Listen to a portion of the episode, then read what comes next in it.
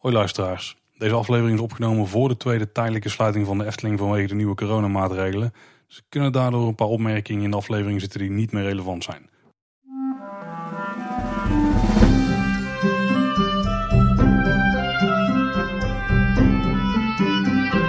Welkom beste luisteraars bij weer een nieuwe kleine boodschap. Ja, welkom bij uh, weer een, eh, een, aflevering waarin we de diepte in gaan duiken. Uh, want we gaan het vandaag weer hebben over een, een onderwerp, Paul, waar we het nog nooit over hebben gehad in Kleine Boodschap. Of althans, waar we nog nooit echt zo diep in zijn gedoken. Het is ons al wel vaak gevraagd, want we hebben natuurlijk al een hoop afleveringen gemaakt over ja, zeg maar achtergronden van de Efteling-organisatie. Bijvoorbeeld het groenbeheer of duurzaamheid of werken bij de Efteling.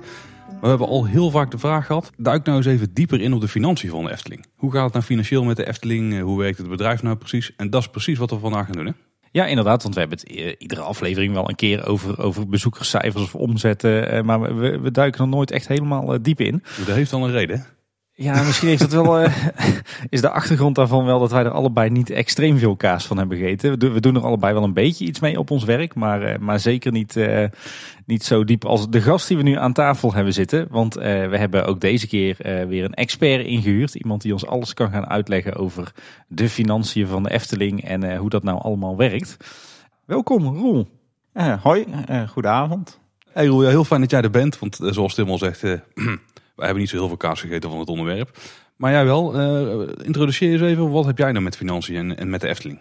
Ja, leuk uh, dat ik er uh, ben vanavond. Dank voor de uitnodiging. Ik zal me inderdaad even voorstellen. Mijn naam is Roel van Tilborg. Ik ben al liefhebber van de Efteling zolang ik mijzelf kan herinneren. Dus dat is ongeveer al een jaartje of dertig. En um, kleine boodschap luisteraar vanaf het eerste uur. Dus ik ben heel vereerd dat ik hier vanavond mag zijn. hey, dat is mooi. Die hebben we graag, kleine boodschap luisteraars van het eerste uur. Ik ben docent economie in dagelijks leven. Um, en um, vandaar uh, dat ik uh, wellicht wat meer verstand uh, van financiën heb dan jullie. Dan heb je daar vrij zeker. Kan ik al op een papiertje geven. En ik kan me zelfs herinneren dat ik uh, jaren geleden al jaarverslagen van de Efteling zat te lezen. Toen uh, vroeg ik ze op bij de Kamer van Koophandel. Uh, ja, gewoon uit interesse. Dat was nog wel in de tijd dat die jaarverslagen echt heel mooi vormgegeven waren. Dus dat hielp ook wel moet zeggen dat het, uh, die, uh, die we nu hebben bekeken, dat die vrij uh, saai waren, heel textueel. maar inhoudelijk natuurlijk wel bijster interessant. Ja. ja, en het voordeel is, je bent docent economie, dus je weet alles van, van financiën en economie. Maar je kan het als het goed is ook uitleggen aan ons en aan onze luisteraars. En dat lijkt ons in het geval van dit onderwerp niet heel erg een overbodige luxe. Nou ja, want stel dat je nou heel bang wordt en denkt van, oh, ze gaan daar allemaal praten over dingen en daar snap ik helemaal niks van. daar klopt op zich. Maar wat heel erg gaat helpen is dat we het vooraf even gaan hebben over een aantal termen die langs gaan komen in, uh, in een stuk waar we het over gaan hebben. Dus je krijgt een klein beetje, nou, laat het economieles noemen, net genoeg om uh, de Efteling jaarverslagen ook zelf te kunnen lezen. Dus je, je bouwt nu ook kennis op die je later weer kunt toepassen. En als wij zelf ooit weer in de toekomst een jaarverslag erbij pakken, dan kunnen wij dus ook wat dingen vertellen. En dan zou iedereen veel beter moeten weten waar we het over hebben. Dus vrees niet, alles waar we het nu in het begin over gaan hebben, daar kun je de rest van de aflevering extra goed mee volgen. En we gaan je niet overhoren aan het eind. Nee, Toch? Daar... Of wel, Roel? Heb jij een, eh, een quiz? nee, nee, nee. Ik heb geen uh, multiple choice uh, toets voorbereid of zo. Dat helpt ook wel, hè? Ja, precies. we gaan de financiën van de Efteling uh, vandaag behandelen en bekijken aan de hand van de jaarverslagen van het park. we hebben die van 2017, 2018 en 2019 opgevraagd en gekregen van de Efteling. maar ja, we zijn eigenlijk voornamelijk gedoken in die van 2019, de meest recente. Die andere twee die leken er ook wel heel erg op, viel mij op. Ook nog eh, geprobeerd om de jaarverslagen van Stichting Natuurpark de Efteling uh, op te vragen. De eigenaar van de Efteling, daar gaan we zo meteen nog wel even uitleggen hoe dat, precies zit. Maar die, uh, die kregen we niet boven water. Nee, nee, helaas niet gelukt. Ik denk dat dat wel logisch is ook hoor. Um, een stichting hoeft het ook niet bekend te maken in tegenstelling tot een besloten vennootschap, wat de Efteling is, maar daar komen we zo nog wel over te spreken. En ja, ik kan het me ook voorstellen. Ik denk dat de stichting een, eh, een eh, partij is die eh, volgeladen zit met miljoenen euro's. Komen straks ook nog wel op terug. Um, duizelingwekkende bedragen, schat ik zo in. Maar ja, we weten het niet. Maar ik kan me voorstellen dat dat de reden is dat ze die stukken voor zichzelf houden. Ja, dus deze aflevering gaan we kijken naar de harde cijfers zoals in het jaarverslag van Efteling staan. En dan eh, gaan we in een volgende aflevering gaan we daar zelf nog wat creatieve berekeningen op loslaten. Kijken dat we bepaalde getalletjes uit kunnen halen. Ik, de meest interessante die ik zag staan is misschien wel van... stel de entreeprijs van Efteling gaat een euro omhoog, wat levert dat dan op? Maar dat soort dingen komen dus in de volgende aflevering. Eerst gaan we even kijken naar de harde cijfers. Ja, je zou deze aflevering dus als een soort tweeluik kunnen zien. Hè? We gaan het twee keer hebben over de financiën van de Efteling. Eén keer over de harde cijfers. Dat gaan we deze keer doen. En één keer gaan we lekker creatief rekenen met de cijfertjes en de euro's. En dat is eh, deel 2, die komt later uit. Ja, voordat we er helemaal in gaan duiken, we hebben ook een hoop interessante dingen gevonden in, het, eh, in de jaarverslagen. Maar die houden we nog eventjes eh, onder water. Die komen straks vanzelf langs. Het, het gaat niet per se altijd om, eh, om euro's. Er staan stiekem nog heel wat andere interessante dingen in zo'n jaarverslag. Kwam ik wel achter in de voorstudie voor deze aflevering. Zeker. We hebben het nou al een paar keer over een jaarverslag. Zullen we daar eens mee beginnen? Wat is nou een jaarverslag? Ja, Paul, een jaarverslag. Daarin eh, lees je onder andere de financiële informatie van een eh, onderneming. En bedrijven zijn dat verplicht ieder jaar om dat op te stellen. En het is ook belangrijk dat dat heel nauwkeurig gebeurt. Ehm, het moet echt allemaal kloppen. Een accountant die gaat dat controleren. Een externe accountant, dus iemand van buiten de Efteling. En die moet dat dan ook echt goedkeuren. Het is logisch dat zo'n jaarverslag openbaar is. Hè? Dus daarom hebben we het hier ook eh, voor ons liggen. Het is opvraagbaar. Um, in dit geval heeft Tim het volgens mij geregeld via de Efteling. Maar um, je kunt het zelf ook opvragen, eventueel via de Kamer van Koophandel. Um, en ja, het, moet openbaar zijn, omdat andere ondernemingen. Bijvoorbeeld leveranciers, die moeten inzicht kunnen krijgen in de financiële situatie van een bedrijf. En die, ja, die moeten daarmee kunnen bekijken van hoe risicovol is het nu om met bijvoorbeeld de Efteling zaken te doen. En um, dat geldt ook voor banken, voor investeerders of kredietverstrekkers. Hè, als de Efteling geld zou willen gaan lenen. Ja, die willen dan eigenlijk ook kort en bondig. Hè, het jaarverslag is een paginaatje of uh, 60 geloof ik. Um, maar voor hen is het heel belangrijk om ja, kort en bondig te kunnen zien. Uh, ja, hoe staat de onderneming uh, ervoor? En ja, ook voor de Belastingdienst is het natuurlijk belangrijk dat alle cijfertjes goed kloppen en netjes genoteerd staan. Ja, het viel mij wel op, uh, met het, doorlezen van het jaarverslag. Het, het, gaat niet alleen over de cijfers en de euro's. Hè. Ik zie bijvoorbeeld bij de Efteling dat er ook informatie in staat over bezoekersaantallen, over de gast uh, beoordelingen, over uh, de, de, structuur van het bedrijf. het is eigenlijk best wel breed en divers wat er in zo'n jaarverslag staat. Hè? Ja, dat klopt. Er staat heel erg veel in. Het zijn echt niet alleen maar de cijfertjes. En het is ook eigenlijk een beetje een, een, een, een ja, middel om, om je te presenteren aan externe, zeg maar. Dus het is ergens ook een, ja, een, een soort uh, ja, boekwerkje om te laten zien van kijk eens, zo staan wij ervoor. Waarbij natuurlijk heel veel getallen, financiën enzovoorts uh, in staat. Maar ook echt wel meer dan dat. Uh, dus dit is een veel leuker jaarverslag om te lezen dan van het gemiddelde andere bedrijf, denk ik. Maar zo'n verslag, tenminste in het geval van de Efteling, is 60 pagina's. Dus dat klinkt toch nogal best veel. Niet echt per se een samenvatting voor mijn gevoel. Maar op nou ja, welk... die 60 pagina's wel al inclusief bijlagen. Ah, oké. Okay, ja. Op welk niveau gaat zo'n jaarverslag nou in? Ja, het zijn, het zijn echt eindgetallen uh, die, er, uh, die erop staan. Dus je moet je voorstellen dat um, ja, achter die getallen daar zit een hele wereld. Hè. Dus wij zien uh, bijvoorbeeld dan een bepaalde omzet staan voor een business, business unit. Dus bijvoorbeeld voor het park. Um, maar ja, dan hebben wij verder geen idee van um, hoeveel wordt er dan aan entree-tickets verkocht. Uh, hoeveel zit er aan parkeerkaartjes? Uh, wat doet de horeca? Hoeveel ijskoffies heeft Tim gekocht? Ja, precies. Nou, dat kunnen ze misschien op je pasje wel uitlezen. Ja, maar het staat, het staat, niet, het staat niet in het jaarverslag. Veel. dus ja, dat, dat is eigenlijk jammer. En, en helemaal al niet op kleiner niveau. Hè. We zouden natuurlijk super interessant vinden van uh, wat draait Polleskeuken aan omzet. Of wat doet het Witte Paard. Um, maar ja, dat, dat weten we niet. Ja, want het staat niet in het jaarverslag. Maar we weten wel dat de Efteling die informatie natuurlijk wel heeft. De Efteling heeft een uitgebreid financieel pakket uh, draaien.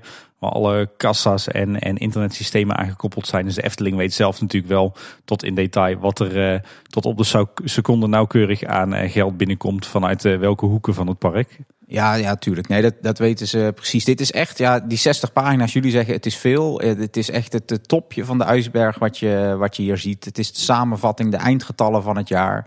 Um, en daar zit natuurlijk een hele afdeling uh, finance achter die, uh, ja, die dat continu uh, monitort tot op het uur. daarom zie je soms ook bepaalde horecolocaties die, die natuurlijk dicht zijn als bezoekersaantallen onder een bepaald niveau. Want ze weten gewoon precies, als er bijvoorbeeld minder dan 4000 bezoekers zijn, dan heeft het geen zin om de glazen kat open te doen of iets dergelijks. Ja. ja, want ik weet nog wel uit mijn tijd toen ik bij de Efteling werkte, zeker als, als vakantiekracht op de horeca, dat er ook wel eens van die toplijstjes werden gemaakt. Weet je wel, welk horecapunt heeft deze zomer het, het meeste omzet gedraaid? Wat zijn de top 5 best verkochte producten? Uh, wie heeft de meeste blikjes cola verkocht? Uh, uh, welke uur van de dag komt er het meeste omzet binnen? Dat zijn allemaal getallen die, die kunnen ze zo uit de computer laten rollen. Ja, zeker. Ik weet, weet uit mijn tijd in de Efteling ook dat dat vaak echt een battle was tussen afdelingen inderdaad. Hè? En dan moest je een bepaalde waarde per bezoeker halen. uitgaven per bezoeker. Ehm, ja, dat, dat waren hele, hele strijd tussen afdelingen, ja. Nou, we weten nou dus wat een jaarverslag is. Maar wat ook belangrijk is om te weten als we dadelijk verder erover gaan hebben... is wat nou de organisatiestructuur van de Efteling is. Want als we het jaarverslag goed willen begrijpen... dan moeten we die dus ook echt goed voor ogen hebben. Dus uh, hoe steekt dat precies in elkaar? Ja, als we de organisatiestructuur van de Efteling eh, willen begrijpen, dan moeten we eh, een aantal zaken aanstippen. En eh, de belangrijkste is misschien wel Stichting Natuurpark de Efteling. Een stichting die, eh, die er oorsprong eh, al in eh, 1950 vindt, overigens. Eh, de stichting is eigenaar van de Efteling, de enige aandeelhouder ook, dus de enige eigenaar. En een stichting is geen winststrever. Eh, dat wil zeggen, ze streven het niet na om zoveel mogelijk winst eh, te halen. Maar ze moeten wettelijk gezien wel een doel hebben. En in het geval van Stichting Natuurpark de Efteling is dat eh, de lange termijn continuïteit. Oftewel, de Efteling tot in de eeuwigheid behouden. Het behoud van werkgelegenheid, hoeder zijn van het sprookje, beschermen van de natuur. een stichting mag geen leden hebben en ook geen winstuitkeringen doen aan bestuurders. En maakt de stichting winst, dan moet dat aan een ideeel doel worden besteed. En, daar zien we wel voorbeelden van in het jaarverslag. Want Stichting Natuurpark de Efteling besteedt bijvoorbeeld, geeft bijvoorbeeld bedragen weg aan goede doelen. Zoals daar is Villa Padus en natuurorganisaties. Dan hebben we de Efteling BV. jij zei net al, Roel, besloten vennootschap. de Efteling is dus een BV met twee grote business units inmiddels. De business unit park en de business unit verblijf. Alhoewel die ook wel eens hotels en resorts wordt genoemd. Uh, daarnaast waren er nog twee kleinere business units. Uh, de business unit theater en evenementen en de business unit golfpark. Je zou kunnen zeggen business units zijn eigenlijk kleine bedrijfjes binnen de BV. Nou, dan zit er verder nog een raad van commissarissen. en die staat eigenlijk een beetje tussen de Efteling BV en de stichting in. Hè? Als ik dat goed heb begrepen, toch Roel? Um, ja, dat klopt. Um, een raad van commissarissen is, ja, misschien kennen mensen wel een raad van toezicht, komt ook veel voor. Um, dat is eigenlijk iets wat je meer bij verenigingen, bij stichtingen, non-profit uh, organisaties ziet, dus vaak in de publieke uh, sector. een raad van commissarissen lijkt daar eigenlijk een beetje op. En zij houden eigenlijk toezicht op het gevoerde beleid van de directie. En ja, om zo dus ook het voortbestaan van de onderneming uh, te waarborgen belangrijk is daarbij dat er veel uh, contact is natuurlijk tussen de directie en de raad van commissarissen. Die uh, staan elkaar bij uh, met raad en daad. En fungeren ook als een soort van klankbord naar, naar elkaar. Dus zo versterkt dat elkaar. Raad van commissarisleden zijn vaak eh, deskundigen op diverse gebieden. Die worden dus ook echt op expertise aangetrokken. Dus ze denken van oké, we hebben iemand nodig die uh, op finance zit. We hebben iemand nodig die een ander expertise heeft, bijvoorbeeld juridisch. en die worden vaak van buitenaf aangetrokken. Um, wat aardig is, denk ik, om te weten, is dat uh, de Raad van Commissarissen van de Efteling volgens het Rijnland-model werkt. Uh, zo lezen wij in het jaarverslag. Die was en, nieuw voor mij. Um, ja, is wel leuk, hè? Um, waar het eigenlijk op neerkomt, is dat de Raad van Commissarissen echt in het belang van de onderneming handelt. En dan voornamelijk ook voor het belang van alle stakeholders steeds afweegt. En uh, stakeholders is wellicht nog een uh, ingewikkeld woord, maar het komt er eigenlijk op neer dat um, de Raad van Commissarissen kijkt naar zowel de belangen van de aandeelhouder, dus in dit geval de Stichting Natuurpark de Efteling, maar ook naar de belangen van de werknemers en ook naar uh, de belangen van, ja, van de gasten van de Efteling. En um, nou ja, dat, dat is dus het Rijnland-model. Je hebt in uh, bijvoorbeeld de Verenigde Staten en in, in Groot-Brittannië heb je het Anglo-Saxische uh, model. Um, en daarin staat eigenlijk voornamelijk de aandeelhouder centraal. Dus ja, ik, ik denk persoonlijk dat we heel blij mogen zijn dat de Raad van Commissarissen van onze eigen Efteling um, volgens dat Rijnland-model werkt. En eigenlijk veel breder kijkt dan alleen maar naar de aandeelhouder. Voor een bedrijf als de Efteling lijkt me dit wel de betere optie onder twee. Ja. Absoluut, want dit betekent uh, dat er niet uh, per se een focus is op, uh, op geld, maar ook op kwaliteit. Ja, ja, dat is zeker waar. En volgens mij is het ook zo dat de raad van commissarissen degene zijn die kunnen bepalen of dat een bestuurder of een directielid ontslagen wordt of benoemd wordt, toch? Ja, ja, dat is zeker waar. Dus die raad van commissarissen die heeft best wel wat, uh, wat macht. Je moet dat overigens ook niet overdrijven hoor. Die macht is niet oneindig. Want uiteindelijk is het zo dat de aandeelhouder als eigenaar uiteindelijk weer die raad van commissarisleden uh, benoemt dan wel ontslaat. Mm -hmm. um, dus ja, eigenlijk heel kort samengevat, de, de allergrootste opperbaas is en blijft dus eigenlijk uh, de aandeelhouder. Dus ik denk dat het voor veel mensen misschien ook wel nieuwe informatie is. Hè. Die denken, Fons Jurgens is de grote opperbaas van de Efteling. Um, maar in feite zit daar dus nog de raad van commissarissen boven, die, die, die fonds zeg maar in de gaten houdt. En, um, ja, en daar zit dan eigenlijk ook nog weer de stichting achter. Um, en, en die is uiteindelijk uh, de echte grote eindbaas, zou je kunnen zeggen. Ja, en uh, want we weten ook dat uh, bij investeringen die worden gedaan of belangrijke beslissingen die worden genomen, wordt het eigenlijk ook uh, heel vaak voorgelegd aan de Raad van Commissarissen.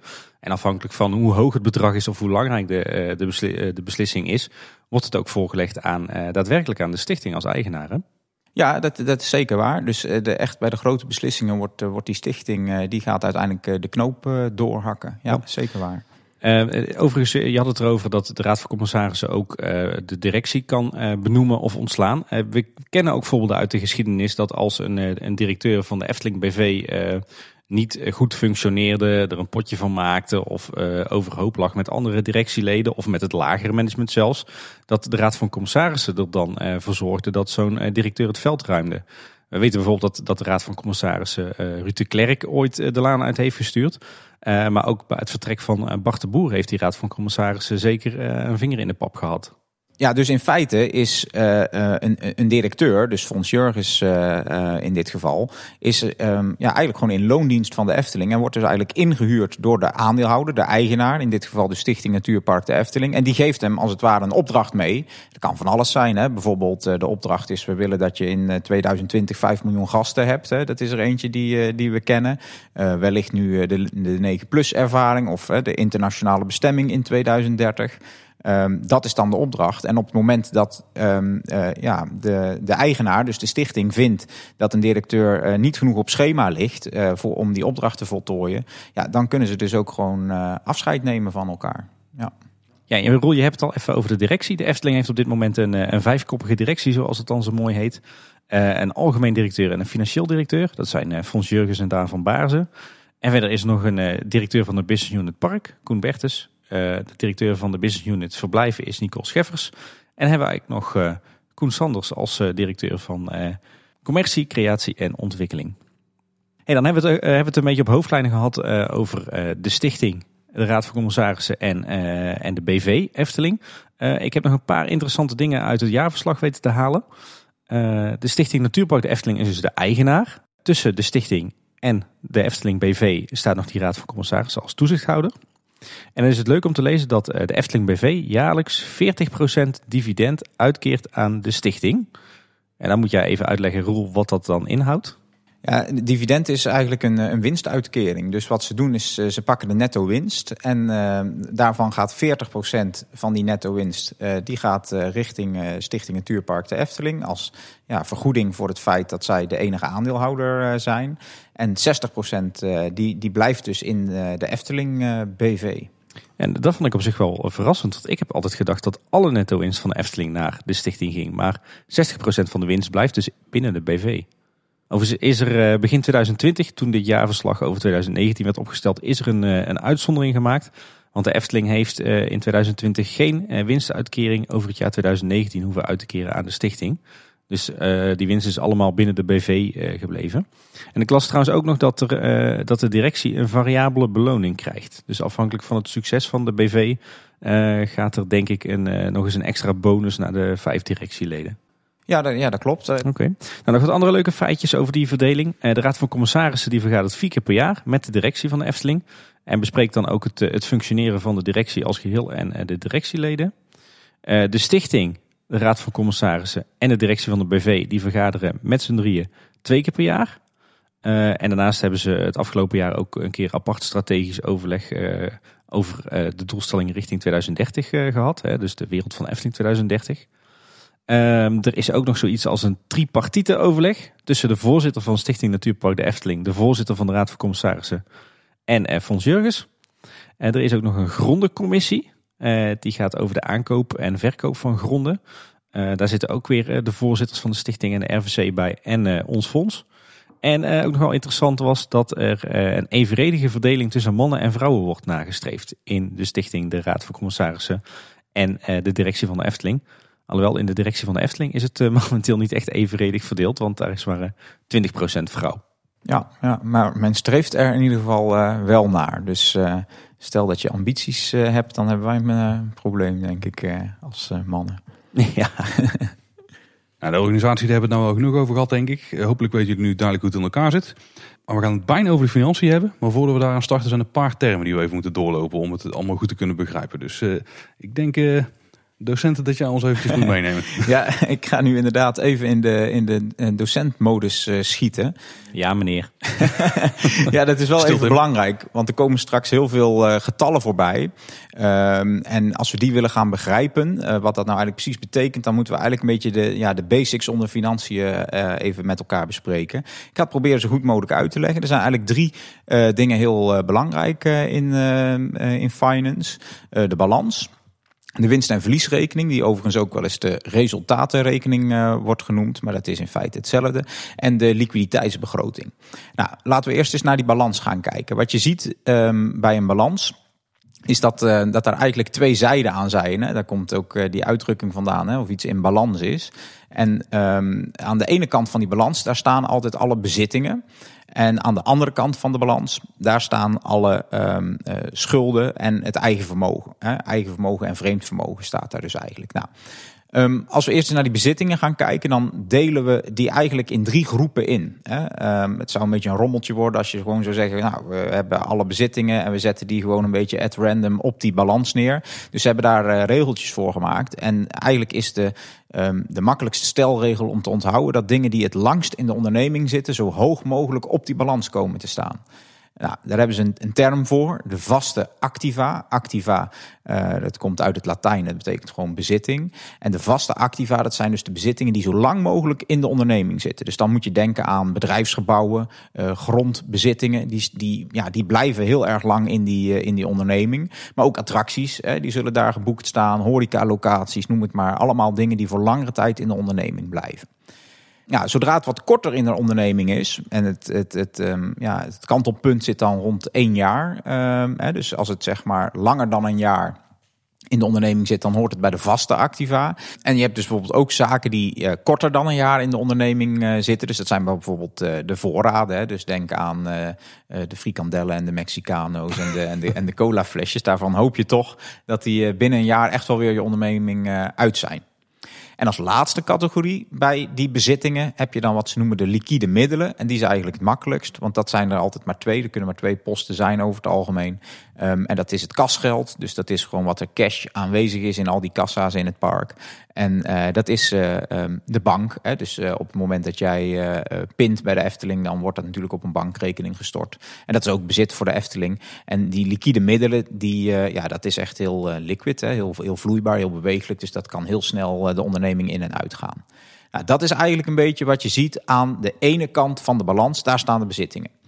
Als je die dan allemaal bij elkaar optelt, dan krijg je het balanstotaal, zoals dat dan zo mooi heet. En dat balanstotaal, dat is aan de andere kant, hè, dus de, um, de kant waar dat eigen vermogen en het vreemd vermogen staat, um, die heeft altijd precies hetzelfde balanstotaal. Vandaar hè, dat ze een balans ook een balans noemen. Een balans is altijd in evenwicht. Dus als ik aan de ene kant van de balans heb staan 200 miljoen aan bezittingen, dan heb ik automatisch aan de andere kant van de balans ook 200 miljoen aan, ja, niet bezittingen, maar dus verdeeld over eigen vermogen en over vreemd vermogen. Dat zijn grofweg de twee posten die aan die kant komen te staan.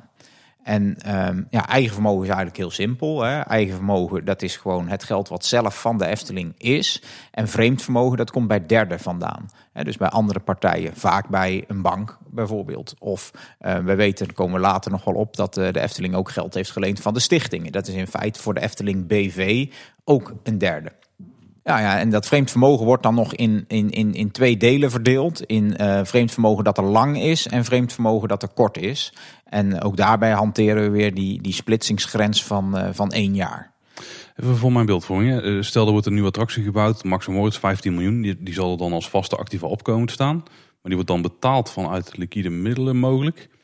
Um, of van, gaat, wordt er dan van het eigen vermogen ja, um, dan, dan kom je een beetje in de lastige wereld van de journaalposten, zoals dat zo mooi in de boekhouding oh, okay. heet. Dan gaan er allerlei posten schuiven. Uh, dat is een vrij technisch verhaal om hier zo uit te leggen. Maar um, je, stel je koopt Max Moritz, is eigenlijk jouw vraag. Dan zal die waarschijnlijk bij de vaste activa komen te staan ter waarde van die 15 miljoen. En dan is het even de vraag hoe dat het dan gefinancierd wordt. Hè. Uh, we zullen later zien, een klein uh, blikje in de toekomst, dat Efteling heel veel financiert gewoon uit de lopende inkomsten.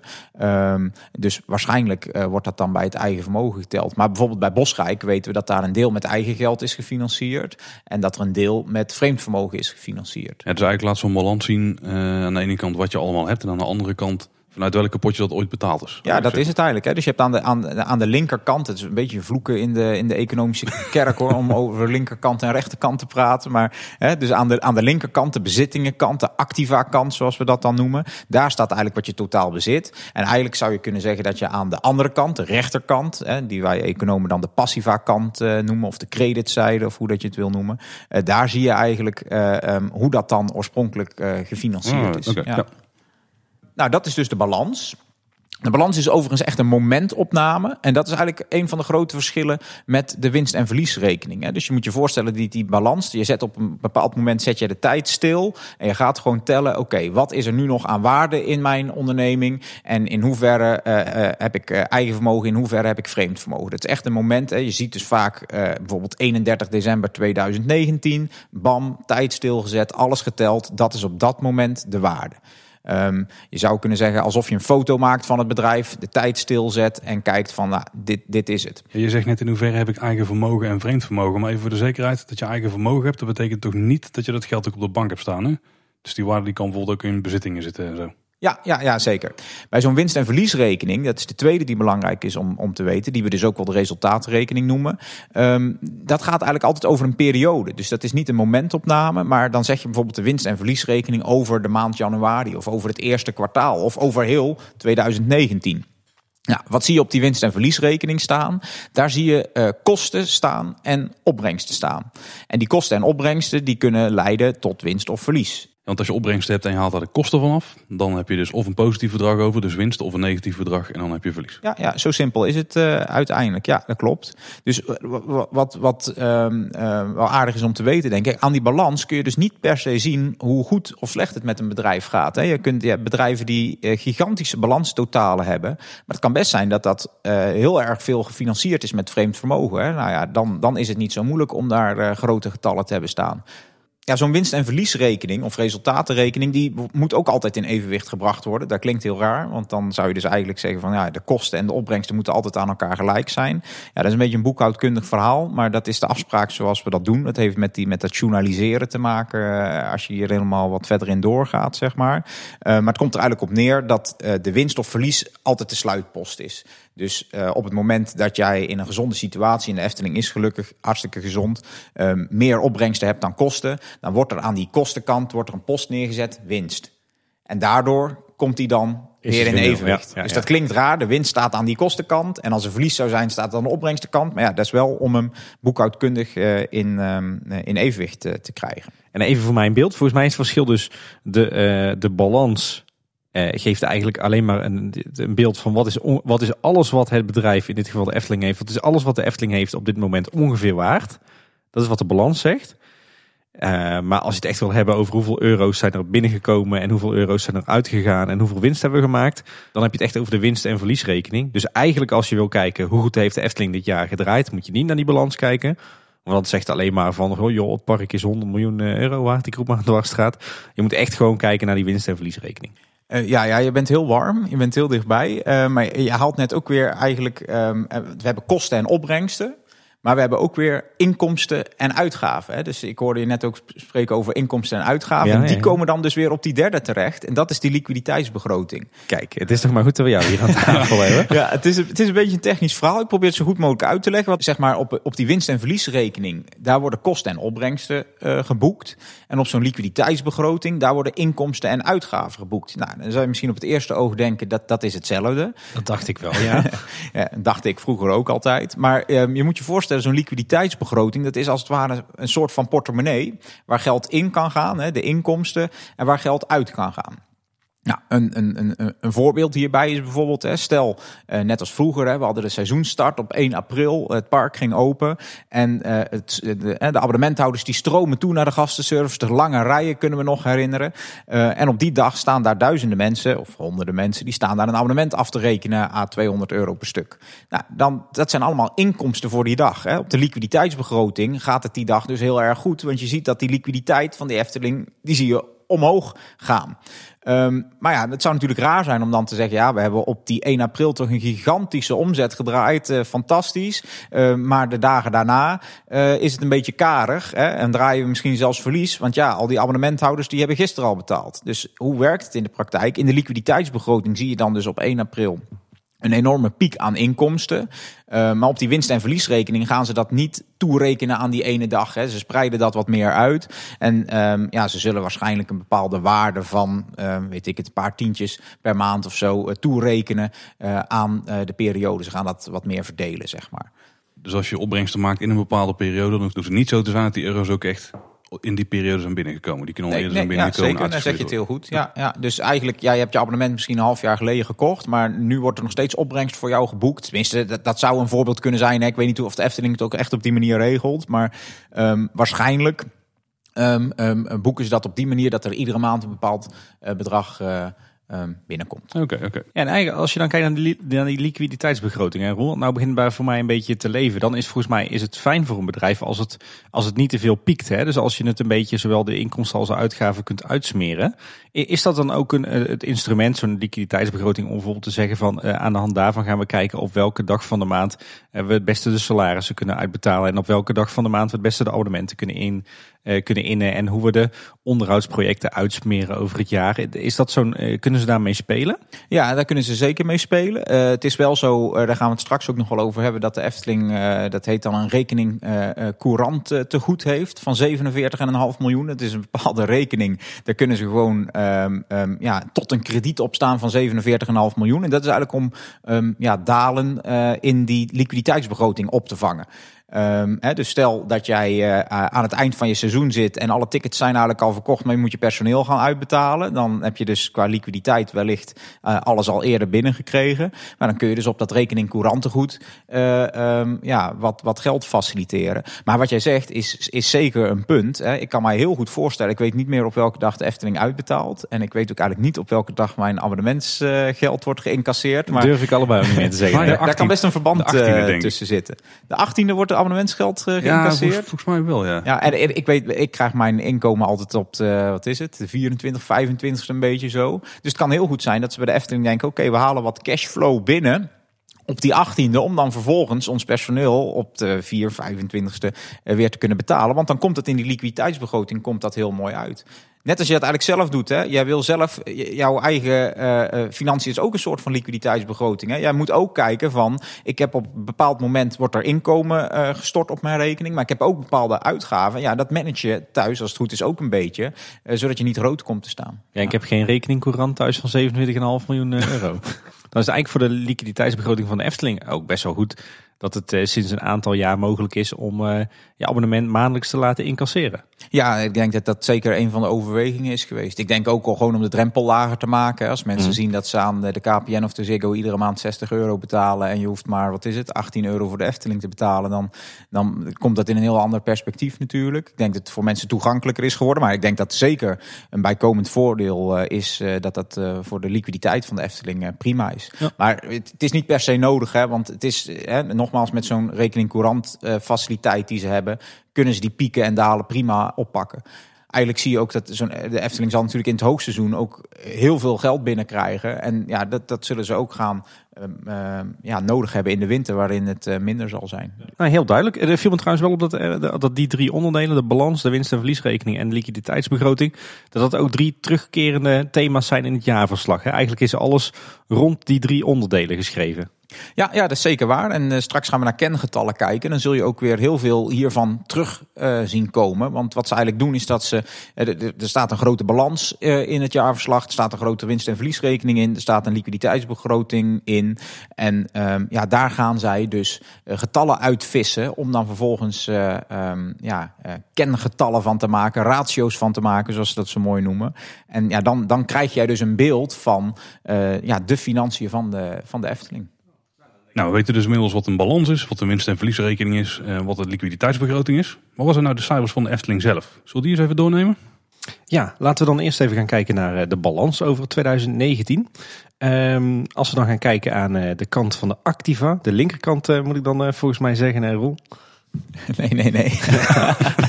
Dat mag ik inderdaad niet Niet zeggen. vloeken in de, in de economische kerk. Ja, precies. Eh, maar de activa kant, ehm, dan eh, is de, de waarde van de, van de Efteling op de balans in 2019 in totaal ruim 308 miljoen euro. En waar bestaat die nou uit? Uit eh, ruim 20 miljoen eh, aan immateriële vaste activa. En dus denk aan de waarde van mediaproducties en eh, software.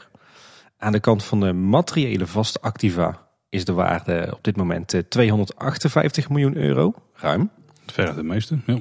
En eh, die 258 miljoen die kan je ook nog opsplitsen in de waarde van de bedrijfsgebouwen en terreinen. Dat is 115 miljoen euro. De attracties zijn momenteel nog 73 miljoen waard. En dan zijn er ook nog een, eh, een aantal andere vaste bedrijfsmiddelen die eh, 45 miljoen euro eh, waard zijn. En nog een 24 miljoen euro aan eh, investeringen die momenteel onder handen zijn genomen. En dat zijn volgens mij dan de, de zaken waar nu aan gebouwd wordt. En als we dan bijvoorbeeld kijken naar de vlottende activa, dan eh, heeft de Efteling voor ongeveer 6 miljoen euro aan eh, voorraden op de balans staan en 15 miljoen euro ruim aan vorderingen.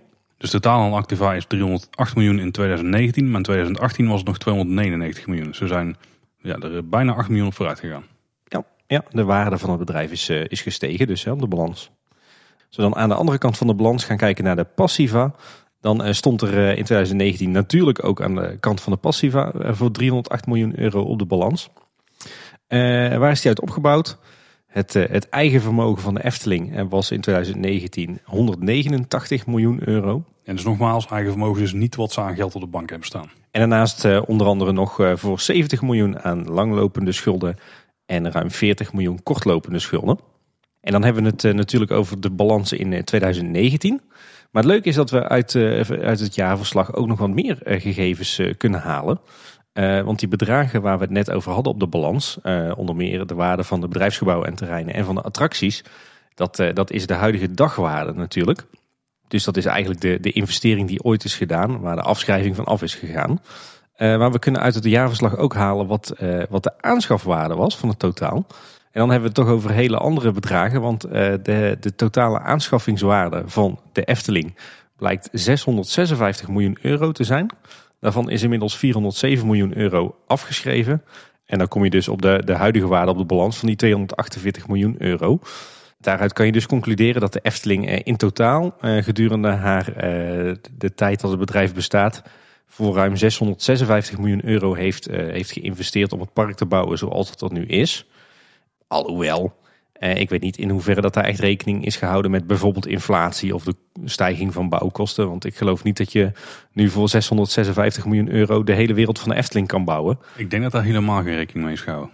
Ja, denk ik ook niet. Nee, nee. Nee, als je ziet dat, eh, dat, je, dat ze vroeger voor een paar duizend gulden een sprookje bouwden, eh, ben je nu een paar miljoen euro verder. Dus ik denk niet dat ze dat hebben doorgerekend. Maar toch leuk om te weten dat, eh, dat de totale investering die in de loop der jaren in de Efteling is gedaan, dat die dus die ja, ruim 656 miljoen euro is. Het is wel interessant trouwens wat jij zegt, Tim. De, ehm, de herbouwwaarde, dat, zou, ja, dat kunnen we niet terugvinden in het verslag. Maar dat zou ook wel echt interessant zijn om, om te weten. Stel nou alles zou helemaal opnieuw neergezet moeten worden. Wat dat dan zou kosten met de prijzen van, eh, van nu. Zou er een verzekering voor gesloten zijn?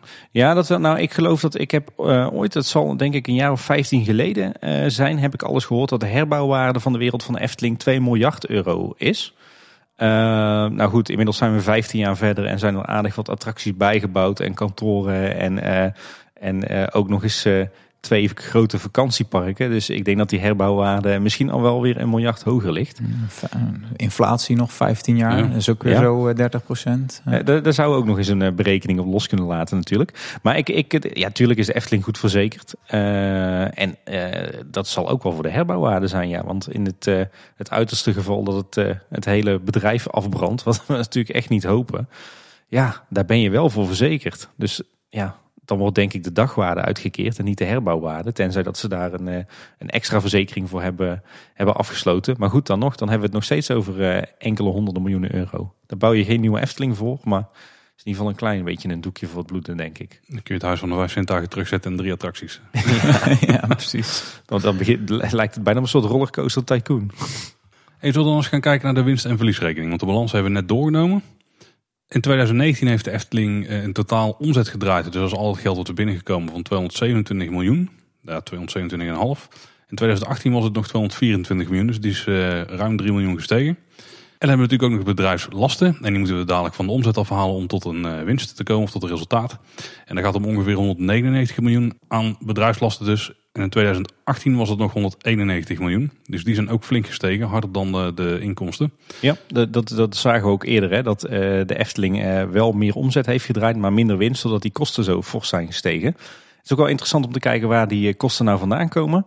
Ruim 22 miljoen euro gaat op aan grond- en hulpstoffen. Dat is grotendeels natuurlijk energie. Verder zien we op de rekening ruim 55 miljoen euro aan lonen en salarissen staan. En dat is een van de posten die het hardst is gestegen ten opzichte van vorig jaar. Ja. Dat scheelt er 3,5 miljoen bijna. Ja. Verder nog voor bijna 10 miljoen aan sociale lasten en eh, 6 miljoen aan pensioenlasten. Ja, beide ook best wel wat gestegen ten opzichte van de andere posten. Ja. En aan eh, afschrijvingen, hè, dus de, de waardevermindering op de balans, ruim 39 miljoen euro. En eh, de overige bedrijfskosten, dat is ook een fors, eh, bedrag trouwens, eh, dat is ruim 57 miljoen euro. En dan vraag je je misschien af, waar is die 57 miljoen euro dan weer uit opgebouwd?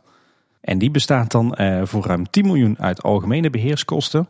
Eh, dat zijn denk ik de, de onderhoudskosten, want daarvan is ooit al eens geroepen dat die ongeveer 10 miljoen euro zijn. Voor 12 miljoen euro exploitatiekosten, eh 6,5 miljoen entertainmentkosten, 9,2 miljoen marketing- en communicatiekosten, ruim 12 miljoen aan materiaal en contracten derde. Dat zijn denk ik ook eh, aannemers en leveranciers en dergelijke. En nog eh, ruim 6,5 miljoen euro aan overige personeelskosten. En dan kom je dus aan die eh, ruim 57 miljoen euro overige bedrijfskosten. En als we dan dus de lasten gaan afhalen van de opbrengsten, dan gaan we dus 227,7 miljoen, dan gaan we nog 198,9 miljoen afhalen. Dan komen we uit op 28,7 miljoen aan bedrijfsresultaat. En eh, wat betekent dat dan precies, Roel? Want dat is niet wat de Efteling uiteindelijk overhoudt, hè? Nee, helaas. Eh, er moet nog zoiets als eh, belasting betaald worden. Dus dat, dat gaan ze er nog afhalen. En dan ja, blijft er uiteindelijk een stukje minder over. Dan houden dus de volgende cijfers over. Voor 2019 eh, is er een resultaat na belastingen van 19,2 miljoen. 19,3 miljoen als we het netjes afronden. En dat was in 2018 nog 23,6 miljoen. Dus is wel wat eh, gedaald tussen 2018 en 2019. En dan hebben we het niet over 2020, want daar ben ik best wel bang voor. Ja, ja wat gebeurt er dus met die winst? Eh, daarvan gaat normaal gesproken 40% naar eh, Stichting Natuurpark de Efteling. En eh, de rest eh, wordt toegevoegd aan, eh, aan de reserves. Of het eigen vermogen van eh, de Efteling BV eigenlijk. Hè? Ja, ja klopt. En dat waren dus de cijfers voor 2018 en 2019. Maar wat we ook kunnen doen aan de hand van het jaarverslag is eh, even wat verder terugkijken in de tijd. Want daar zien we de cijfers tot 2015 in staan. Ja, dus zeg maar de cijfers van de afgelopen vijf jaar. En daar zitten ook behoorlijke verschillen in. Nou, als we dan kijken naar de bezoekersaantallen. In 2015 lag die nog op 4,7 miljoen bezoeken. En in 2019 is het inmiddels 5,3 miljoen geworden. Kijken we naar de bedrijfsopbrengsten, oftewel de omzet, dan was die in eh, 2015 nog 180,8 miljoen euro. En inmiddels in 2019 227,7 miljoen euro.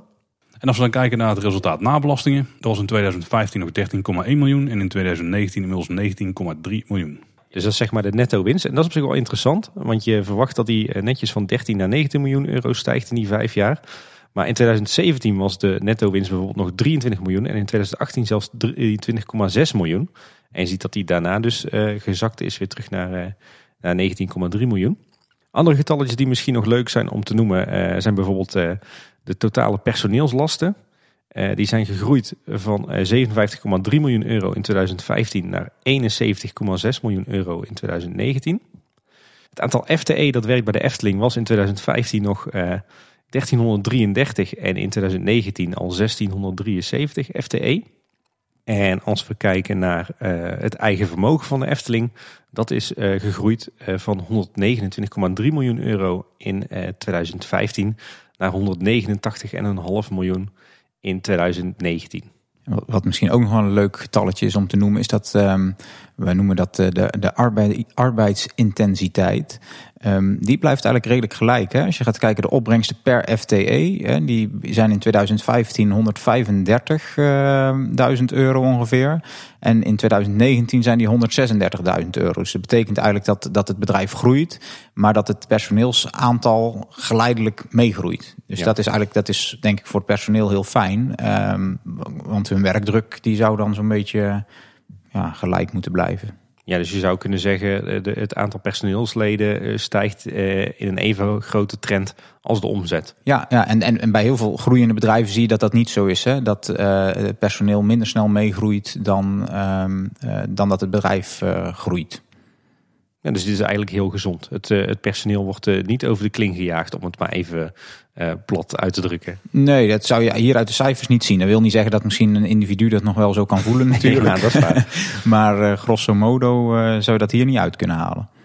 Nou, dan hebben we in ieder geval op hoofdlijnen de getallen bekeken. Zullen we nu eens in wat belangrijke kengetallen en cijfers van de Efteling duiken? Ja, zal ik eerst even iets vertellen? Kengetallen, wat zijn dat eigenlijk? Hè? Um, het, het, het, is eigenlijk een soort van analyse-instrument. Ik gaf net al een beetje aan. Uh, je wil bedrijven kunnen vergelijken met elkaar. En ja, je, ja de luisteraar die ziet het niet, maar zo'n jaarverslag van 60 pagina's, dat geeft niet een heel snel beeld van ja, hoe ziet nou de situatie er eigenlijk uit. Maar ja, je wil dat eigenlijk wel kunnen zien als externe. Van hoe staat dit bedrijf nu eigenlijk voor? Nou, daar hebben ze iets voor bedacht. Dat zijn kengetallen. En die kengetallen, dat zijn allemaal formuletjes. We gaan ze straks uh, langslopen uh, voor de Efteling. En um, daarin kun je dus eigenlijk met een snelle blik zien van hoe staat dit bedrijf uh, ervoor. Nou, dus dat is heel prettig. Die kengetallen die hebben ook echt wel beperkingen.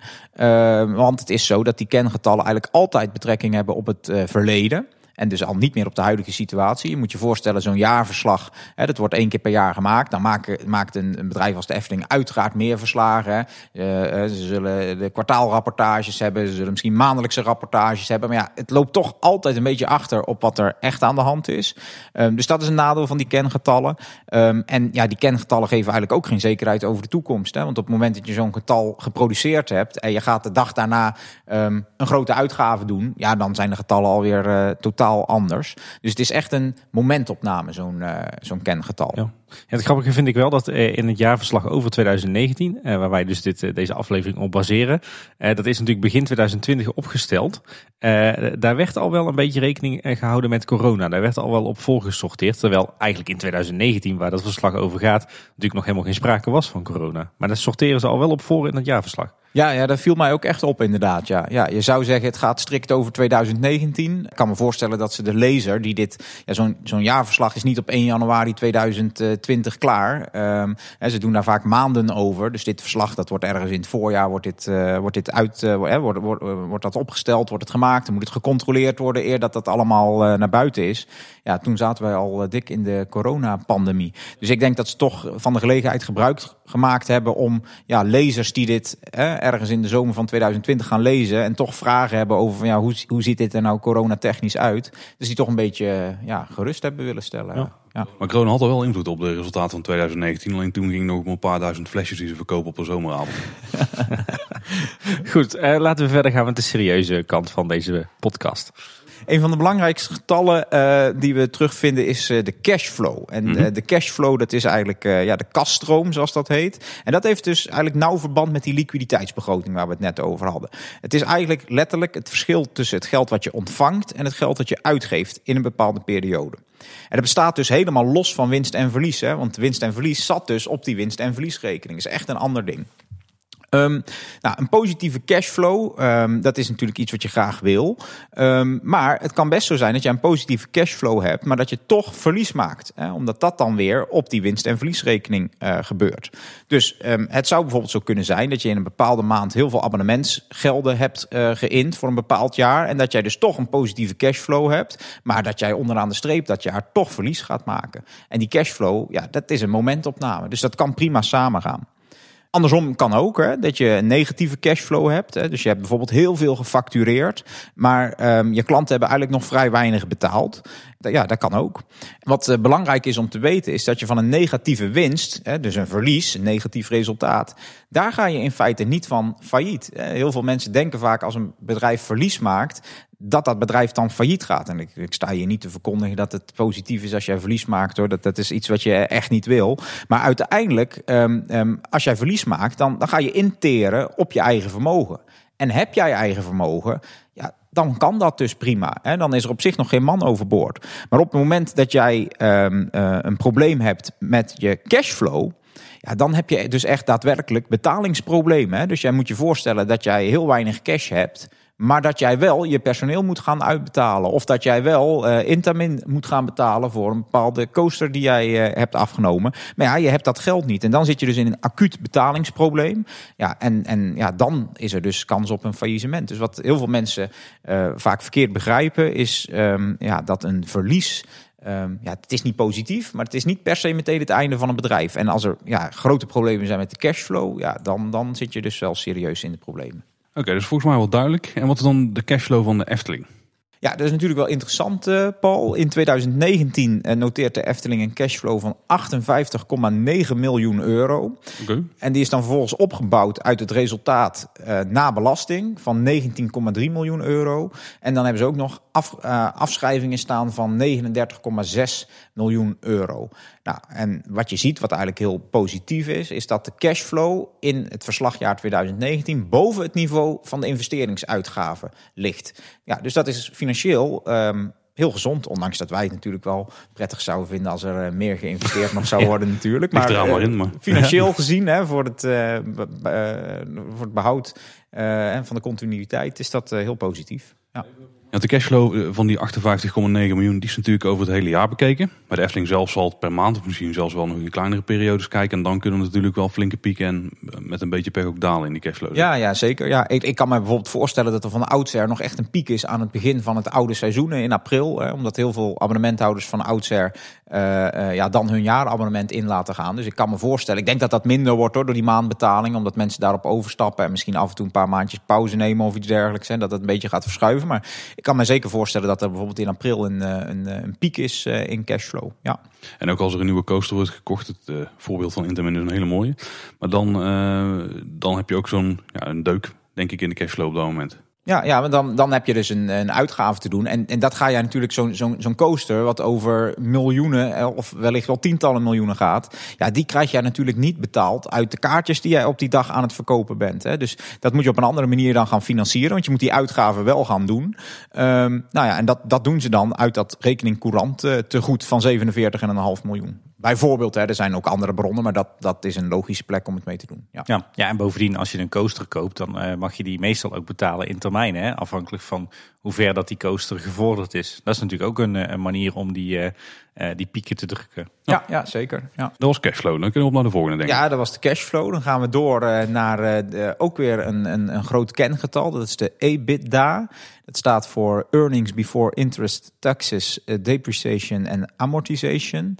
En uh, als ik het gewoon even vertaal naar het Nederlands, dan komt het er eigenlijk op neer dat het de inkomsten zijn voor aftrek van rente, belastingen, afschrijvingen en waardeverminderingen. Dus je zou eigenlijk kunnen zeggen, het is een beetje een technisch verhaal, het is eigenlijk de bruto winst en daar haal je de overheadkosten van af. Nou ja, wat zijn overheadkosten dan? Um, overhead, dat is eigenlijk een deel van de kosten die een onderneming maakt. Die, dat heeft eigenlijk niks met de productiedoelstellingen te maken. Um, dus je zou kunnen zeggen, het gaat over budget dat je in je eigen onderneming besteedt aan bijvoorbeeld de administratieve afdeling of aan ICT, aan marketing of HR of aan verzekeringen, vergunningen. Dat heeft eigenlijk niks met je core business te maken, want uh, dat is niet de core business van de Efteling. Maar het zijn wel allemaal uitgaven die je, die je moet doen. Ja, dus niet de, de kosten van het parkpersoneel of de mensen in de horeca, maar dat is echt de ondersteunende afdelingen. Ja, ja, ja, ondersteunende diensten, ja, inderdaad. De hele kantoororganisatie dus, uh, zeg maar ook. Ja, eigenlijk wel. Ja. ja. Ja, zo zou je het eigenlijk wel kunnen samenvatten. Ja, ja want er is inderdaad, de, de Efteling volgens mij, heeft volgens mij de laatste jaren een steeds groter wordende overhead. Als je ziet hoe dat uh, de kantoororganisatie is uitgebreid. Hè. Vroeger had je één boekhouder rondlopen en één directeur en één directiesecretaresse en, uh, en één personeelsfunctionaris. En nu heb je natuurlijk uh, uh, hele afdelingen rondlopen van 20, 30, 40 man. Ja, ja dat klopt. Dat is, uh, dat is sterk gegroeid. Ja. Maar ja, het park is ook meegegroeid. Hè? Ja. Dus ja, ja.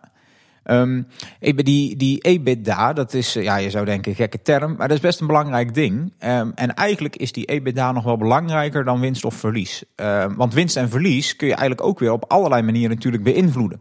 Uh, wat ik net al aangaf, verlies is niet per se dat je zegt een bedrijf doet het, uh, doet het uh, slecht. Want het kan best zijn dat dat verlies komt doordat je bijvoorbeeld grond hebt aangekocht. en dat je daardoor die grote uitgaven hebt gehad. Maar dat dat best een heel tactische beslissing kan zijn om die grond toch aan te kopen. Omdat je in de toekomst daar iets mee wil. Um, of dat je wil dat een ander er niks mee kan doen.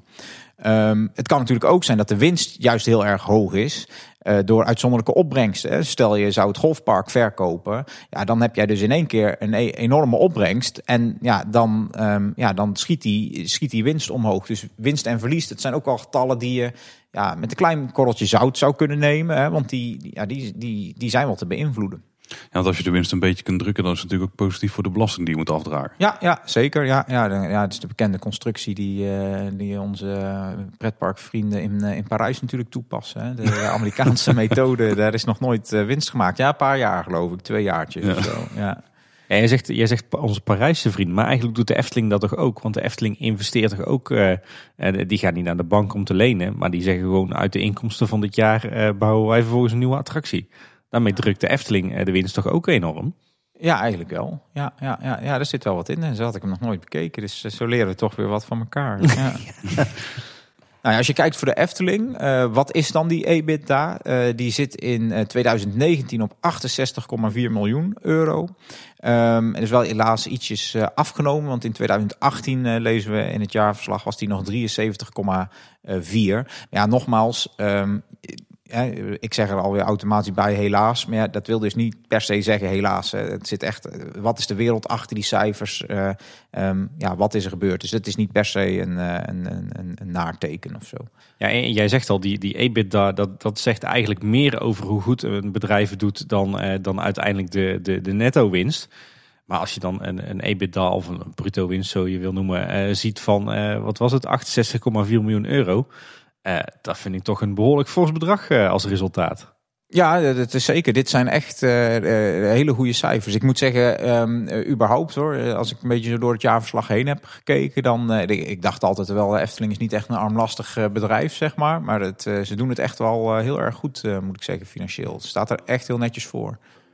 Ja, wat eigenlijk geldt voor alle kengetallen die ik, eh, die, die ik voorbij laat komen. Het is eigenlijk het, het, het beste om je altijd op meerdere kengetallen van een onderneming eh, ehm, eh, te baseren. Hè. Dus het is, ehm, ja, ja, je hebt er heel veel, er komen er ook nog wel meer voorbij. En als die allemaal op groen staan, dan weet je eigenlijk dat het goed zit. Maar als je naar eentje gaat kijken, ja, dan heb je toch eigenlijk wel een heel eh, beperkt eh, beeld. Dus we gaan er nog meer doen.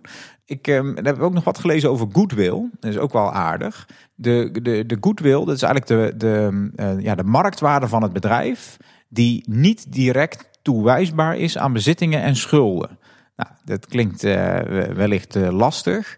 Ehm, het is een soort van meer of minder waarde. Hè, dus het kan positief zijn of negatief zijn. Ten opzichte van het aanwezige eh, vermogen. En ja, ik vond dat toch voor de Efteling wel een heel interessant gegeven.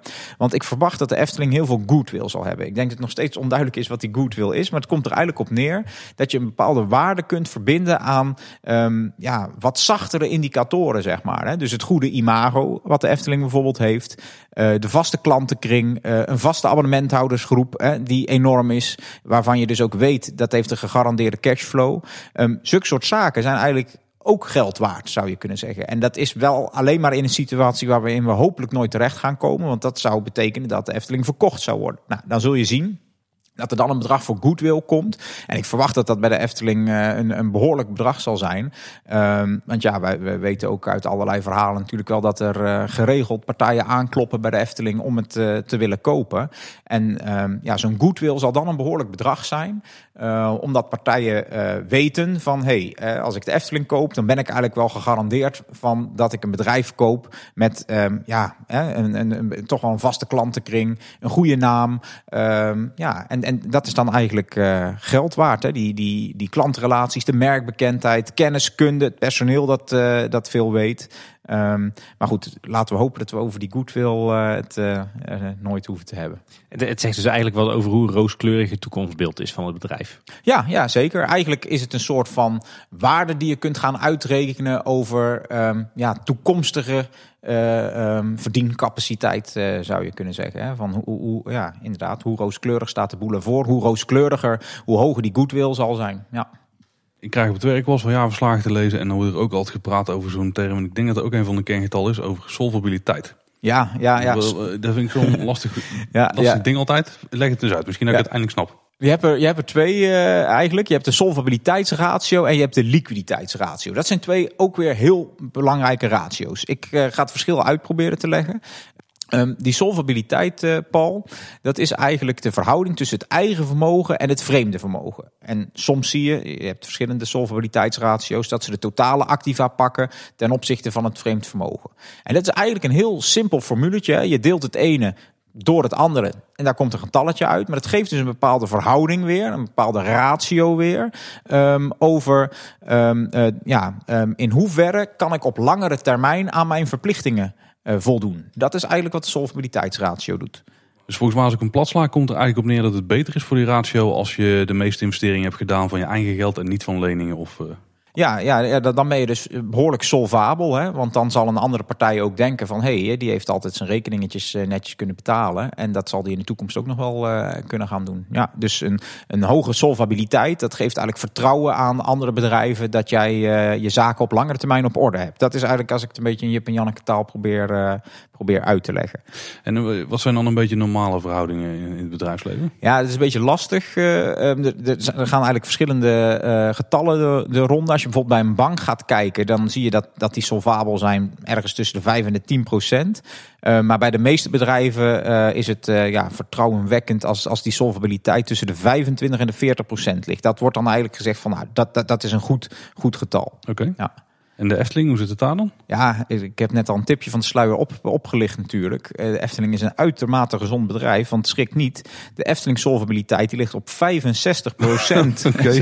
Ja. dus, dus tussen de 25 en 40 wordt normaal als goed beschouwd en de Efteling zit op 65. Ja, ja, okay. ja de Efteling zit op 65. En als je, als je dus... Um, even probeert te bevatten wat dat dus betekent. Dat betekent dat 65% van het bedrijf dus is gefinancierd met eigen geld. En 35% dus maar met geleend geld. Hebben we nog een paar stapjes terug, want je kunt dus geld lenen. Dan heb je een lening, dan moet je rente over betalen. Maar als je zo'n lening aflost, wordt het dan uh, hetgeen wat je daarvan had geïnvesteerd, wordt het dan wel weer bij je eigen vermogen gerekend? Ja, als je aflost, dan, dan neemt jouw eigen vermogen toe. Ja. Dus Eigenlijk, het is net als met je hypotheek. Uh, als je die hebt, waarschijnlijk wel. Ja. Um, dan, da, daar zie jij ook, hè, je hebt een bepaalde waarde van jouw hypotheek. Uh, en een bepaald deel heb jij met geleend geld gefinancierd. En een bepaald deel heb jij met, uh, ja, wellicht met eigen geld gefinancierd. Um, dat kan zijn toen je je huis al kocht, dat je meteen zei: ik leg wat eigen geld in. Dat is dan eigen vermogen. Maar jij moet aflossen, althans, de meest recente hypotheken, daar moet je op aflossen. Um, en um, ja, dan ben je dus iedere maand wordt jouw huis wat meer van jezelf. Dus wordt het ja, eigen vermogen wordt, wordt, wordt groter. Dus ja. je kunt het ook beïnvloeden. Zoals de Efteling dit naar 70% wil brengen, dan kunnen ze wat leningen aflossen. Ik zou niet weten hoe ze het willen doen, want het is blijkbaar heel goed. Maar in theorie kan dat dus. Ja, ja, zeker. Eigenlijk zegt dit getal ook um, dat de Efteling eigenlijk veel meer zou kunnen lenen. Als ze dat zouden willen. Ja, ze blijven dan nog steeds solvabel. Dan blijven ze nog steeds solvabel. Dus um, ja, daar zijn echt heel veel mogelijkheden. Ja. ja, dit sluit ook wel heel goed aan bij het verhaal wat we eigenlijk al jaren horen. Hè, dat de Efteling uh, in extreem hoge mate uh, investeert met eigen geld en eigenlijk amper tot nooit leent in vergelijking met uh, tot andere pretparken of tot überhaupt andere bedrijven. Hè. De Efteling leent eigenlijk vrijwel niks. Die doen bijna alles van eigen geld. En, en, je ziet in de loop der jaren dat, uh, de, inzichtingen, dat de inzichten vanuit verschillende directeuren en verschillende uh, commissarissen en stichtingsbesturen, dat, ja, dat, dat, dat die daarom wisselen. Hè. Er zijn ook directeuren geweest die hebben gezegd van goh, de Efteling die moet veel meer gaan lenen, want dan kunnen ze veel meer investeren. Maar je ziet op de lange termijn dat het toch wel een trend is van het moet vooral eigen geld zijn waarmee je investeert. En niet te veel geleend geld, want we willen dat de Efteling tot in de eeuwigheid blijft bestaan. Dus we willen geen grote risico's nemen zeker waar, Tim. Uh, ik denk als de gemiddelde bedrijfseconoom uh, Ravelijn binnen gaat lopen en die financiële stukken van de Efteling gaat bekijken, dat ze allemaal zullen zeggen van nee, dit is echt uitzonderlijk. Zo'n hoge solvabiliteit. Um, ja, dat, in heel veel bedrijven is dat echt, uh, echt anders. Heel veel bedrijven worden gewoon gefinancierd met geleend geld. En dat is ook niet per se vies. Dat is gewoon hoe, hoe, dat, ja, hoe dat, dat werkt. Hè. Je, je gaat geld lenen, bijvoorbeeld tegen 2% rente of zo. En jij hebt een heel goed plan met je bedrijf en daardoor denk jij een rendement te kunnen halen dat hoger ligt dan die 2%, ja, dan is het helemaal prima om te gaan lenen. Um, ik, ik, ik denk dat deze ja, iets wat conservatieve houding uh, komt vanuit de stichting. Hè. We hebben het net al over gehad wat in die statuten van die stichting staat. Hè. Het gaat allemaal om continuïteit van de Efteling. Hè. Het moet tot in de lengte uh, uh, der tijden blijven bestaan. Ja, en dan is het natuurlijk wel heel erg fijn als je niet afhankelijk bent van schuldeisers. Nu ook in zo'n coronacrisis. je ziet overal allerlei problemen ontstaan. Ja, de Efteling heeft relatief weinig schulden. Dus dat betekent dat er relatief weinig banken zijn of andere andere partijen die zich gaan bemoeien met jouw situatie. Ehm, je- ze staan dus eh, ehm, ja, redelijk eh, ja, op zichzelf. Dat, eh, ja, in ieder geval voor 65% hebben ze eigen vermogen. Dat is echt veel. Dat geeft ook wel een beetje aan. Dat, dat denk ik de reden dat je bij de Efteling nooit zo'n situatie zal hebben die ze nu bijvoorbeeld bij Walibi België hebben. Daar hebben ze eigenlijk al aangekondigd dat ze de, de volgende 7, 8 jaar gaan bouwen. Ik denk dat je dat bij de Efteling niet zomaar ziet, want die zien het in principe investering voor investering. En iedere keer wordt besloten denk ik of dat het veilig genoeg is om die investering te doen. En ze, natuurlijk, ze hebben wel een plan voor de komende, we weten sowieso tot 2030, maar waarschijnlijk ook nog verder na. Dat is het ook allemaal gaan halen dat wordt bijgestuurd. Ja, dat bepalen ze onderweg gewoon, eh, neem ik aan. Ja, deels wel, denk ik. Ik denk ook wel dat ze langere termijn plannen hebben hoor. En, en ze weten natuurlijk op een gegeven moment ook wel, ze maken ook wel prognoses waarschijnlijk van we verwachten dat, er, dat we zoveel cashflow hebben in dat jaar en dat we dus dit, de, investeringsbedrag is dat we kunnen gaan doen. Hallo Maar dat- 2020. Ja, ja, ik kan me heel goed voorstellen dat, dat, dat er dus in 2020 projecten op stapel stonden. eh, Die nu worden gezegd van ja, oké, eh, daar hebben we de cashflow niet voor. Dat gaan we nu even, even niet doen. Ja. Eh, we hadden nog zo'n ratio, dat was de liquiditeitsratio. Ja, ja die twee die, worden altijd expres bij elkaar in de buurt eh, genoemd. Die solvabiliteitsratio nog even herhalend. Dat is dus echt voor, ehm, ga jij het redden op langere termijn? Hè? eh, een beetje platgeslagen. Die liquiditeitsratio, die gaat echt over de wat kortere termijn. Hè? Dus als je gaat kijken, die liquiditeitsratio, ehm, die geeft eigenlijk aan de mate waarin verschaffers van kort vreemd vermogen, dus die kortlopende schulden, ehm, kun jij die gaan betalen uit je vlottende activa. Dus dan komen die termen weer terug die we, die we net zagen. Nou, als je kijkt, daar, kun je dus ook weer een getalletje van maken. Dat is dan dus de liquiditeitsratio, of wordt ook wel de current ratio genoemd. Ehm, en, en een gezonde waarde daarvan moet eigenlijk boven de 1 liggen. Dat betekent dat je dan alle schuldeisers die jij hebt, dus mensen die op korte termijn geld van jou eh, willen hebben, die, die, dat kun je dan ook gaan betalen. Ehm, het kan echter wel zo zijn dat er in die vlottende activa, hè, dus dat zijn dus die ehm, ehm, ehm, bezittingen die je op korte termijn eh, ehm, ehm, eh, kort in je bedrijf zitten. Dus daar kunnen bijvoorbeeld bij zitten eh, ehm, dubieuze debiteuren, zoals dat dan zo mooi heet. Ik weet niet, zegt jullie die term iets? Ik kan me Ik, dat bij ik de ken- Efteling iets voor voorstellen. Ja. Ik ken hem ook vanuit mijn werk hoor. Wij zitten ook wel eens met de dubieuze debiteuren, zoals dat dan zo mooi heet. Ja, het zijn, het zijn eigenlijk, kijk, een gewone debiteur, dat is iemand van wie jij nog geld te goed hebt. En een dubieuze debiteur, dat is iemand waar jij ook nog geld goed van hebt, maar waarvan jij denkt van, ja, ik, ik weet het niet of ik dat nog wel terug ga krijgen. En die worden dan onder een aparte post Ja. geschaard, dubieuze debiteuren. En ja, dan wordt er eigenlijk al een beetje ingecalculeerd van, ja, goh, eh, er is best wel kans dat wij in ieder geval een deel van dat geld niet terug gaan krijgen. Ehm, en hetzelfde is eigenlijk met, met wat ze noemen eh, de voorraden. De voorraden die vallen ook onder die vlottende activa. We hadden het er net al over. Hè. Dat zijn de flesjes cola en, eh, en de, de, de Mexicano's. Die wil je binnen een jaar je onderneming uit hebben. Ehm, maar het kan zijn dat een deel van die voorraad incourant wordt.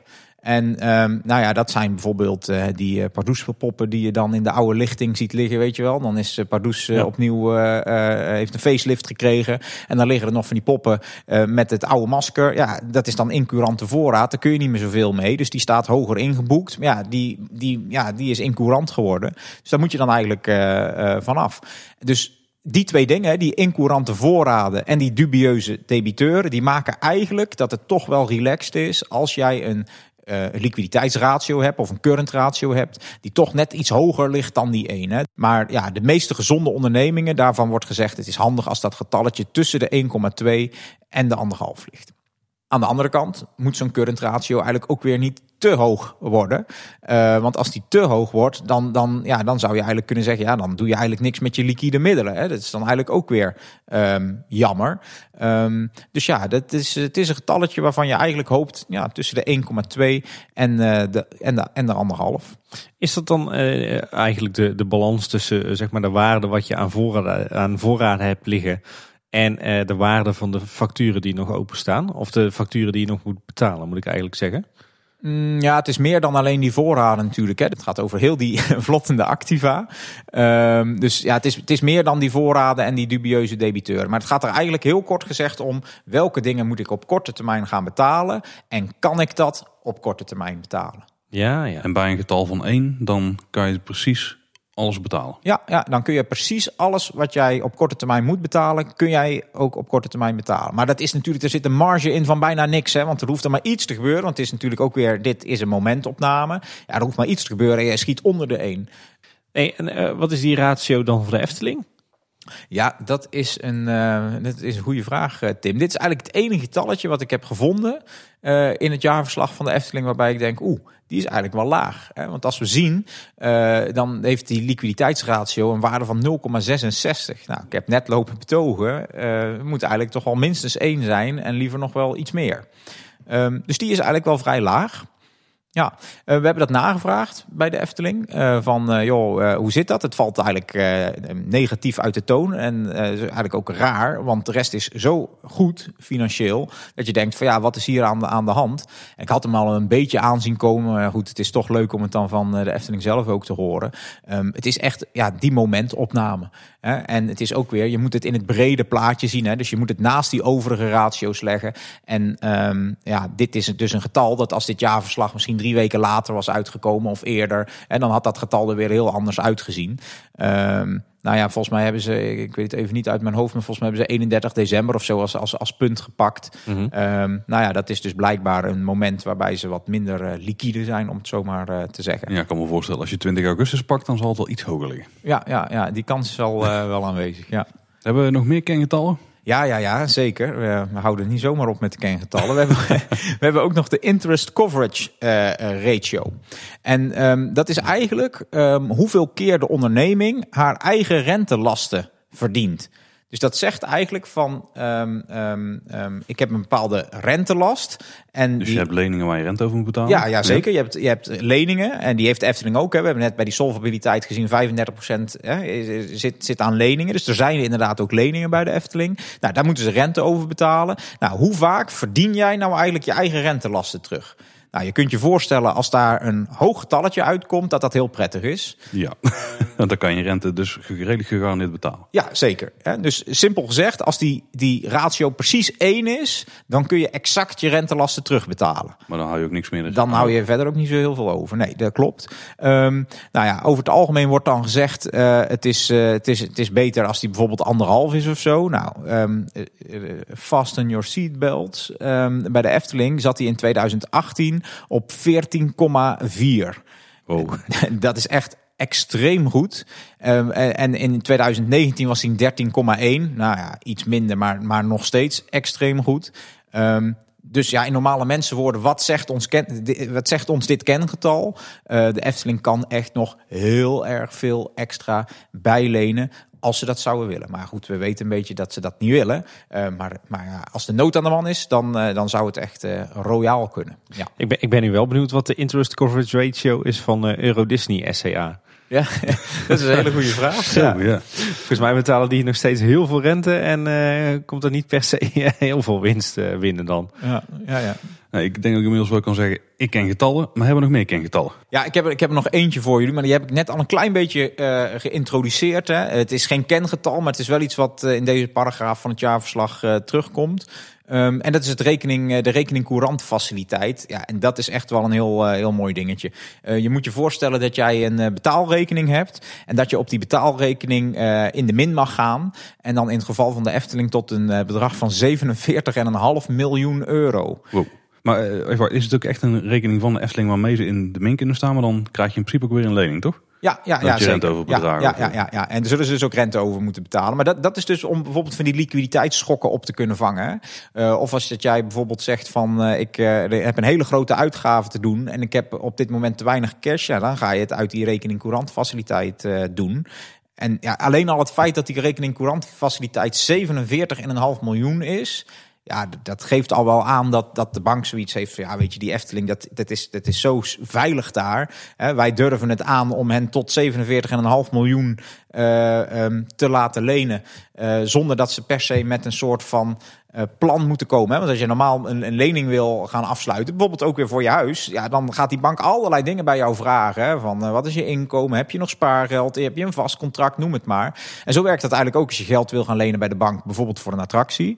Um, maar bij zo'n rekening courant faciliteit is dat dus allemaal aan de voorkant al geregeld. Hè? Die bank die heeft gezegd van oké, okay, um, um, wij vertrouwen jullie cijfers, dit ziet er allemaal heel erg goed uit. En ja, je kunt dus tot 47,5 miljoen in de min gaan. Dat zullen ze dus niet altijd staan. Hè? Uh, dat is echt de, de, het uiterste wat die kan worden. Ja, in principe aan het eind van het jaar, als al het geld is binnengekomen en alle uitgaven zijn gedaan, dan blijft er dus bij de Efteling in alle jaren eigenlijk tot nu toe nog geld over. Uh, dus dan zal die dus altijd positief blijven. Ja, ik weet niet of je dat helemaal precies zo kunt zeggen hoor. Want die, die, rekening courant die loopt gewoon continu door. Um, ook iedere keer een momentopname. Ja, dat is ook iedere keer weer een Dit is, het is eigenlijk gewoon een soort van buffer om de momenten mee op te vangen waarmee, uh, waarop je nog niet veel geld binnen hebt uh, gekregen uh, die maand, maar al wel heel veel hebt uitgegeven. Ja, ja zo kan je dat zeggen. Ja, ja. Is het echt een afspraak met de bank of hebben ze die rekening courant bijvoorbeeld bij de stichting? Of, of kan dat niet? Nee, nee, ja, ik weet niet of bij de stichting alles kan, denk ik uiteindelijk. Maar het is niet gebruikelijk. dit is echt iets wat ze bij de bank hebben. Volgens mij gaan we later ook nog zien uh, bij welke bank. Okay. Ja. Nu zijn we denk ik door de kengetallen heen. Ja, ja, ja, het waren niet allemaal kengetallen. Uh, we hebben de belangrijkste kengetallen in ieder geval gezien. En nog wat andere belangrijke begrippen eromheen. Dus uh, in deze paragraaf uh, zijn, we, zijn we klaar. De ja. Efteling kwam er positief uit op. Ja, dit is echt... ja, ik hoop dat ik dat voldoende duidelijk heb gemaakt. Maar dit is... wij kunnen allemaal rustig gaan slapen. Want dit ziet er echt keurig uit. Ja, inderdaad. Het jaarverslag van 2020 wordt wel echt super interessant. Dus iedereen is dan nodig jaar weer uit. Ja, ja, ja, ja, zeker. Ik kom graag langs. Kom dan doen we een follow-up op deze aflevering. Dat lijkt me goed. Hey, uh, Roel, het meest opvallende vond ik aan het bespreken van deze kengetallen dat de Efteling dus extreem veel uh, investeert met eigen geld en niet met geleend geld. Um, je had het er ook al over, als Efteling zou willen, dan kunnen ze enorm veel extra geld lenen. Ja, wat, wat zou nou een argument zijn om het wel te doen en wat zou nou een argument zijn om het niet te doen? Ja, de, overigens, uh, wat ik zeg, hè, jij zegt het goed, ze kunnen ongelooflijk veel extra lenen. Het, betekent wel dat ze dan natuurlijk weer met een plan moeten gaan komen. Hè. Dus de bank die moet het dan ook nog wel accorderen. Hè. De bank moet het nog wel goed vinden. Maar de, de kengetallen zijn zo dat de bank dat waarschijnlijk goed gaat vinden. Um, ja, kijk, als je een beetje gaat kijken, de Efteling die vindt het niet zo'n heel goed idee. Hè. Dat merken we wel uit, uh, uit de jaarverslagen die we hebben gezien. De Efteling is wat dat betreft vrij ja, conservatief, zou je het kunnen noemen. Dat heeft misschien een beetje een negatieve bijsmaak, maar dat hoeft niet per se zo te zijn. Want de Efteling die zegt eigenlijk van ja, als wij heel veel um, gewoon met eigen vermogen doen, dan zijn wij zelf uh, ja, het meest de baas zeg maar over onze financiën. Um, bovendien, als je meer gaat lenen, um, dan krijg je een soort van verdringingseffect.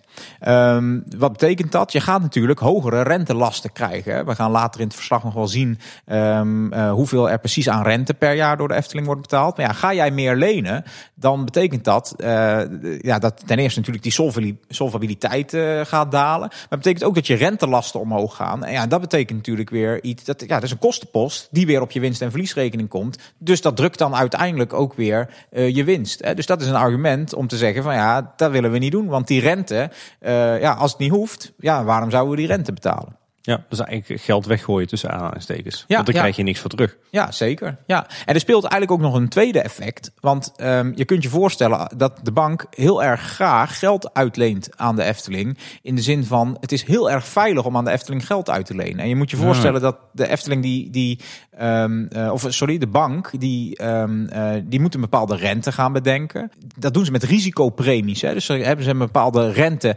uh, waartegen die, die bank geld kan lenen bij de centrale bank. Nou ja, dat wil die algemene bank, hè, de Rabobank bijvoorbeeld, wil dat natuurlijk minstens terug hebben. Maar ja, dan gaan ze kijken hoeveel risico lopen we. Ja, de bank die zal dan zeggen van ja, oké, we willen jou best geld uitlenen, maar ja, we lopen wel veel risico, dus we gaan die rente voor jou verhogen. Dan krijg je een soort risicoopslag en dat betekent dat je dus um, ja, daardoor ook meer rente gaat betalen. Dus er spelen eigenlijk twee dingen. Hè. Ook als het rentepercentage hetzelfde zou blijven, dan ga je als je meer leent al meer rente betalen. Maar het rentepercentage blijft niet gelijk. Dat rentepercentage gaat ook nog groeien, omdat die risicopremie hoger wordt. Dus je, ja, eigenlijk via twee kanten kost dat extra geld. Het is wel grappig, want dit zie je ook bij hypotheken. Want als jij meer eigen geld inbrengt, dan gaat er vaak een risicopremie van je hypotheekrente af. En daardoor betaal je minder hypotheekrente. Ja, ja, dat is precies hetzelfde. Ja, want dan zegt de bank van ja, we denken dat eh, Paul dat wel terug kan gaan betalen. We lopen minder risico. Um, dus we gaan jou ook minder uh, hoge rente uh, bieden. Dus dat is echt een argument om te zeggen van wij doen het op de manier zoals de Efteling het doet. Ze kunnen dus heel goedkoop geld lenen. Gaan we later ook zien. Ze betalen bijna geen rente eigenlijk.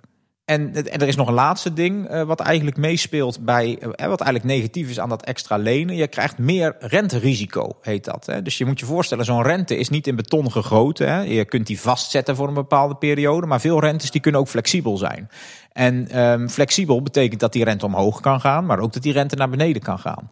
Dat is voor een bedrijf als de Efteling natuurlijk ook weer een risicofactor. En ja, op het moment dat jij dat dus minder hebt, heb je dat renterisico uh, dus ook minder. Dus dat zijn eigenlijk allemaal argumenten om te doen uh, wat de Efteling doet.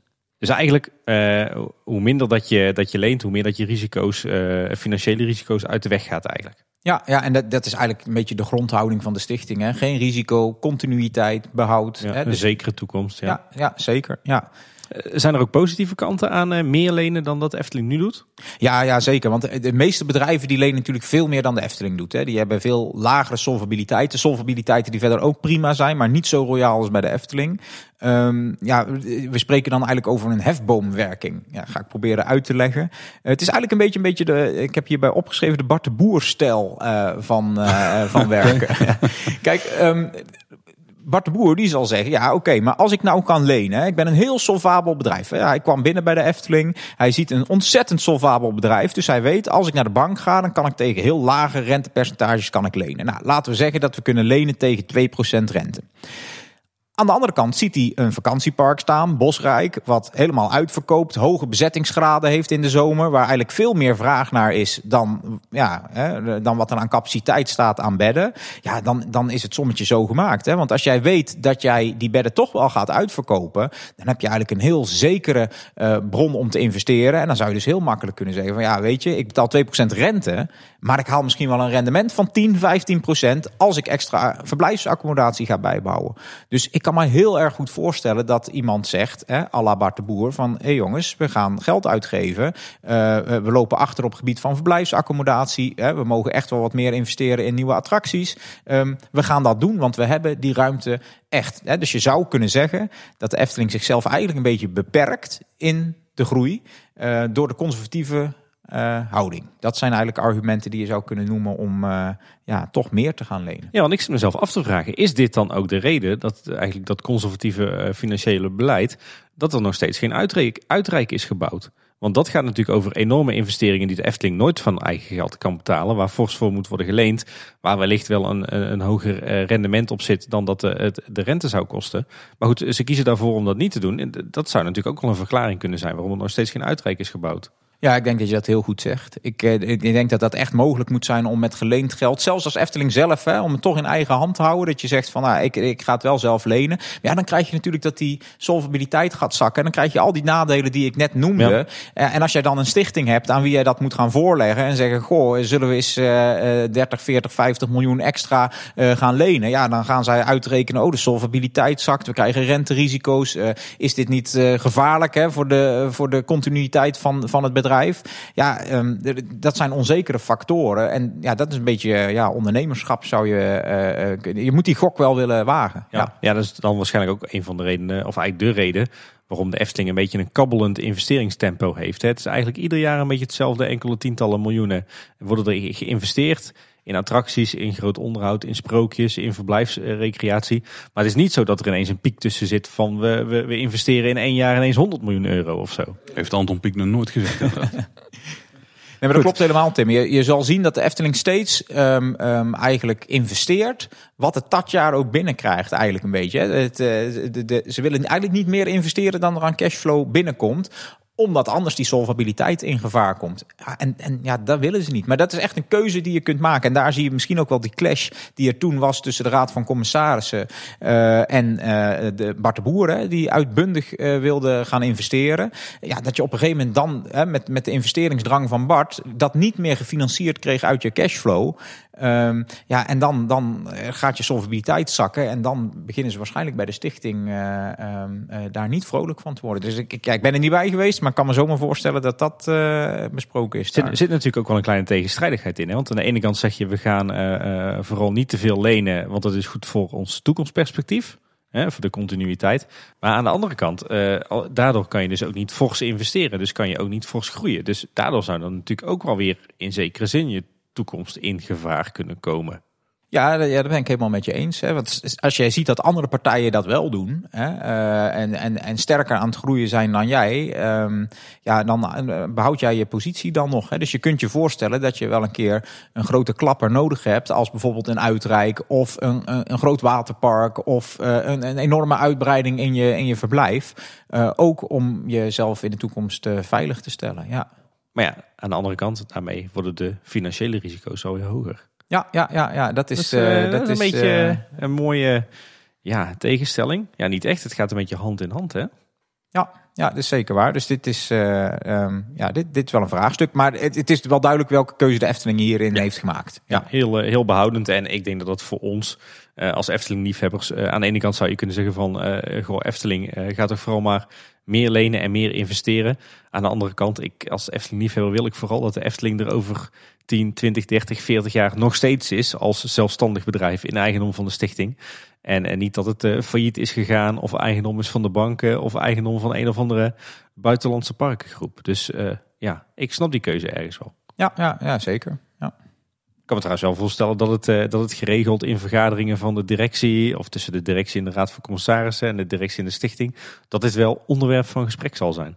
Ja, ik denk zeker als er mensen uh, van buiten afkomen. Hè. Als jij al heel lang in die Efteling-organisatie zit, dan weet jij op een gegeven moment van ja, hè, wat, wat ze doen is, we hebben een bepaalde cashflow, daaruit gaan we investeren en dat is het dus voor dit jaar. Valt die cashflow tegen, investeren we minder. Hè. Hebben we een grotere cashflow, kunnen we wellicht meer investeren. Maar ik kan me heel goed voorstellen dat uh, als jij van buiten afkomt, uh, dat jij denkt van ja, maar waarom staat dat uitreiker nog niet? Hè? Ja. Ehm, want ja, dat, daar kun je natuurlijk ook allemaal het zijn allemaal zaken die geld op kunnen gaan leveren. Ja. ja. dat sluit dan ook weer mooi aan bij het verhaal wat we hoorden over Max en Moritz. Hè. Dat, uh, dat de bezoekersaantallen en de, de, de inkomsten over 2019 wat tegenvielen. En dat daardoor op het laatste moment toch nog beknibbeld is op uh, Max en Moritz. Ja, ik denk dat dat zeker uh, dit verhaal is, ja. Hey, we zeiden het al eerder, Roel. Uh, er staan een heleboel cijfers in het jaarverslag. We hebben er al een aantal bekeken.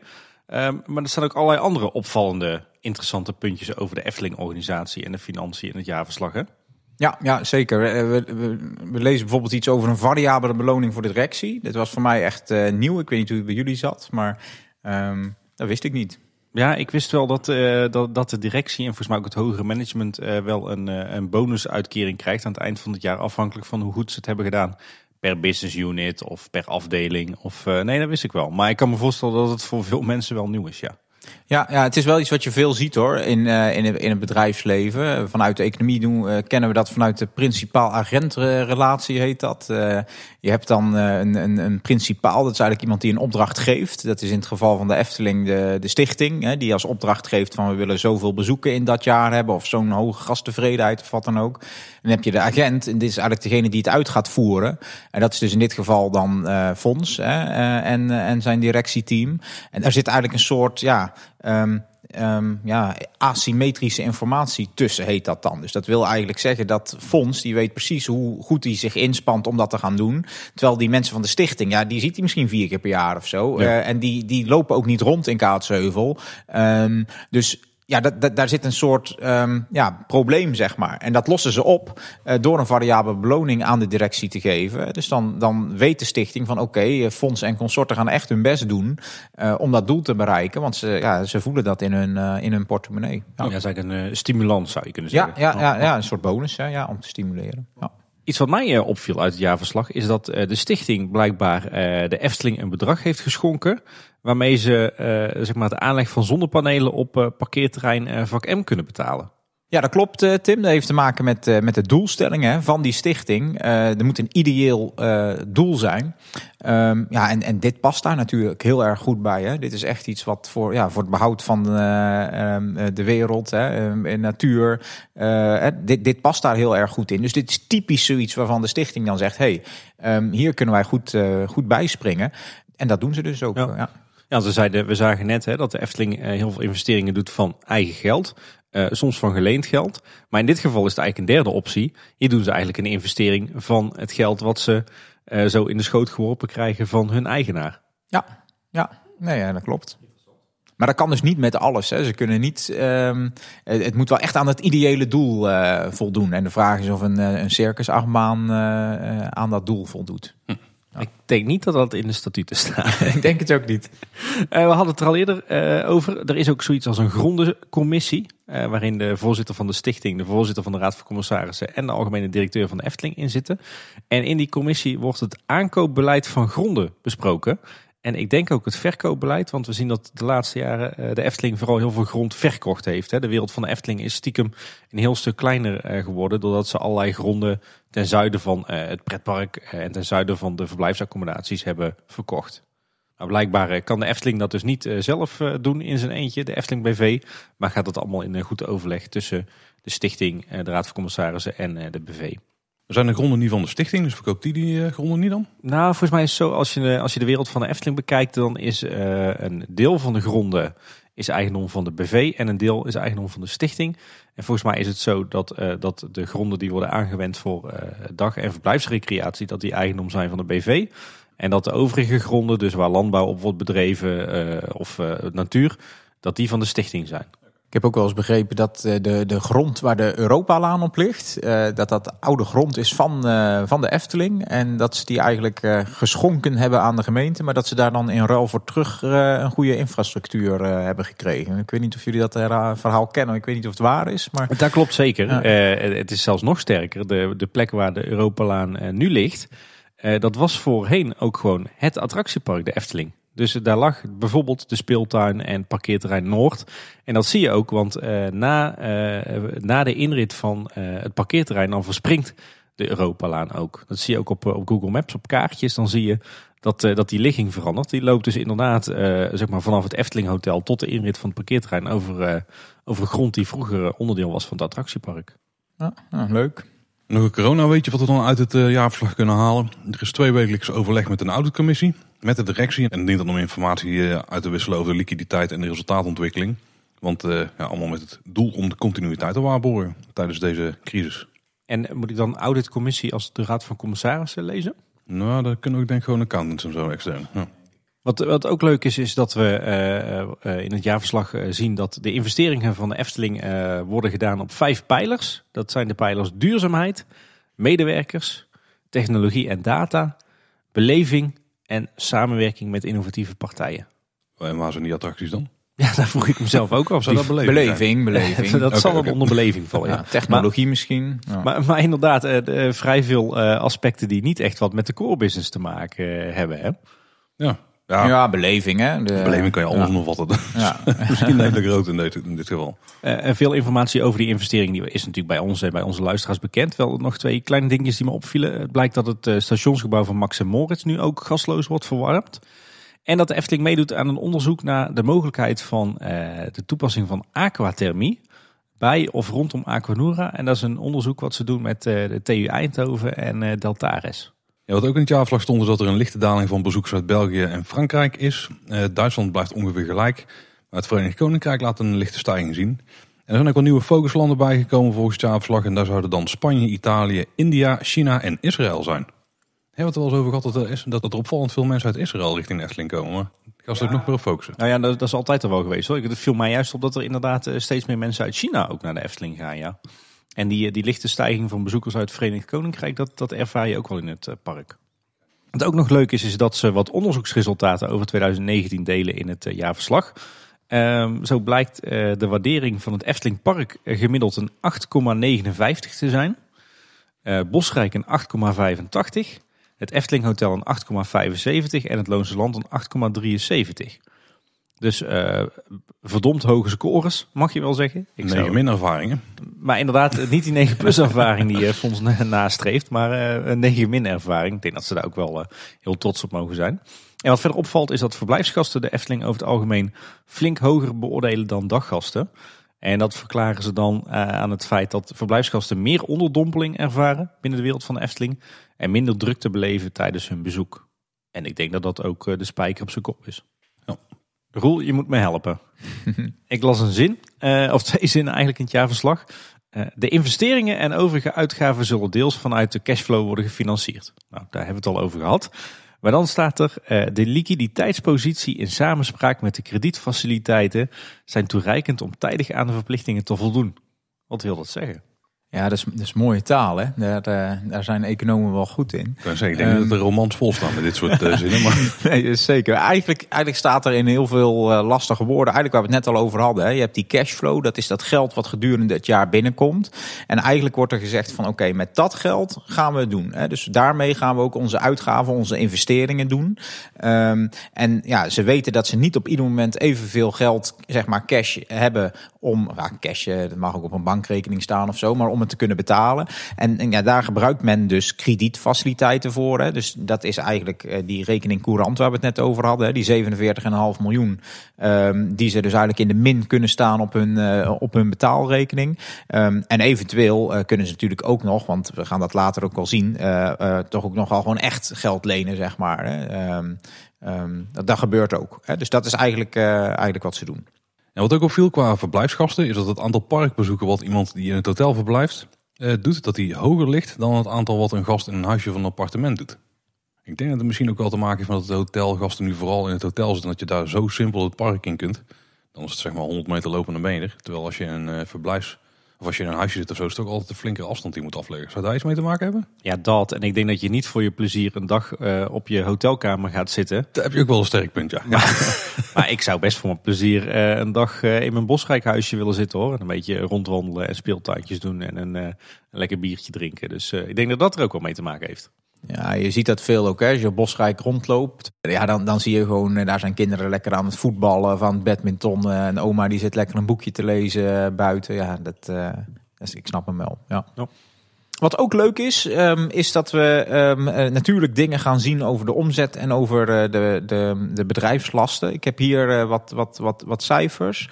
Ehm, de, het, park, hè, er wordt vaak van gezegd, hè, dat is ook de nieuwe strategie, tenminste het nieuwe fonds heeft gezegd, het park staat op, op, op nummer 1. Het is echt onze key activiteit. Nou, dat zien we ook echt duidelijk in de omzet terug.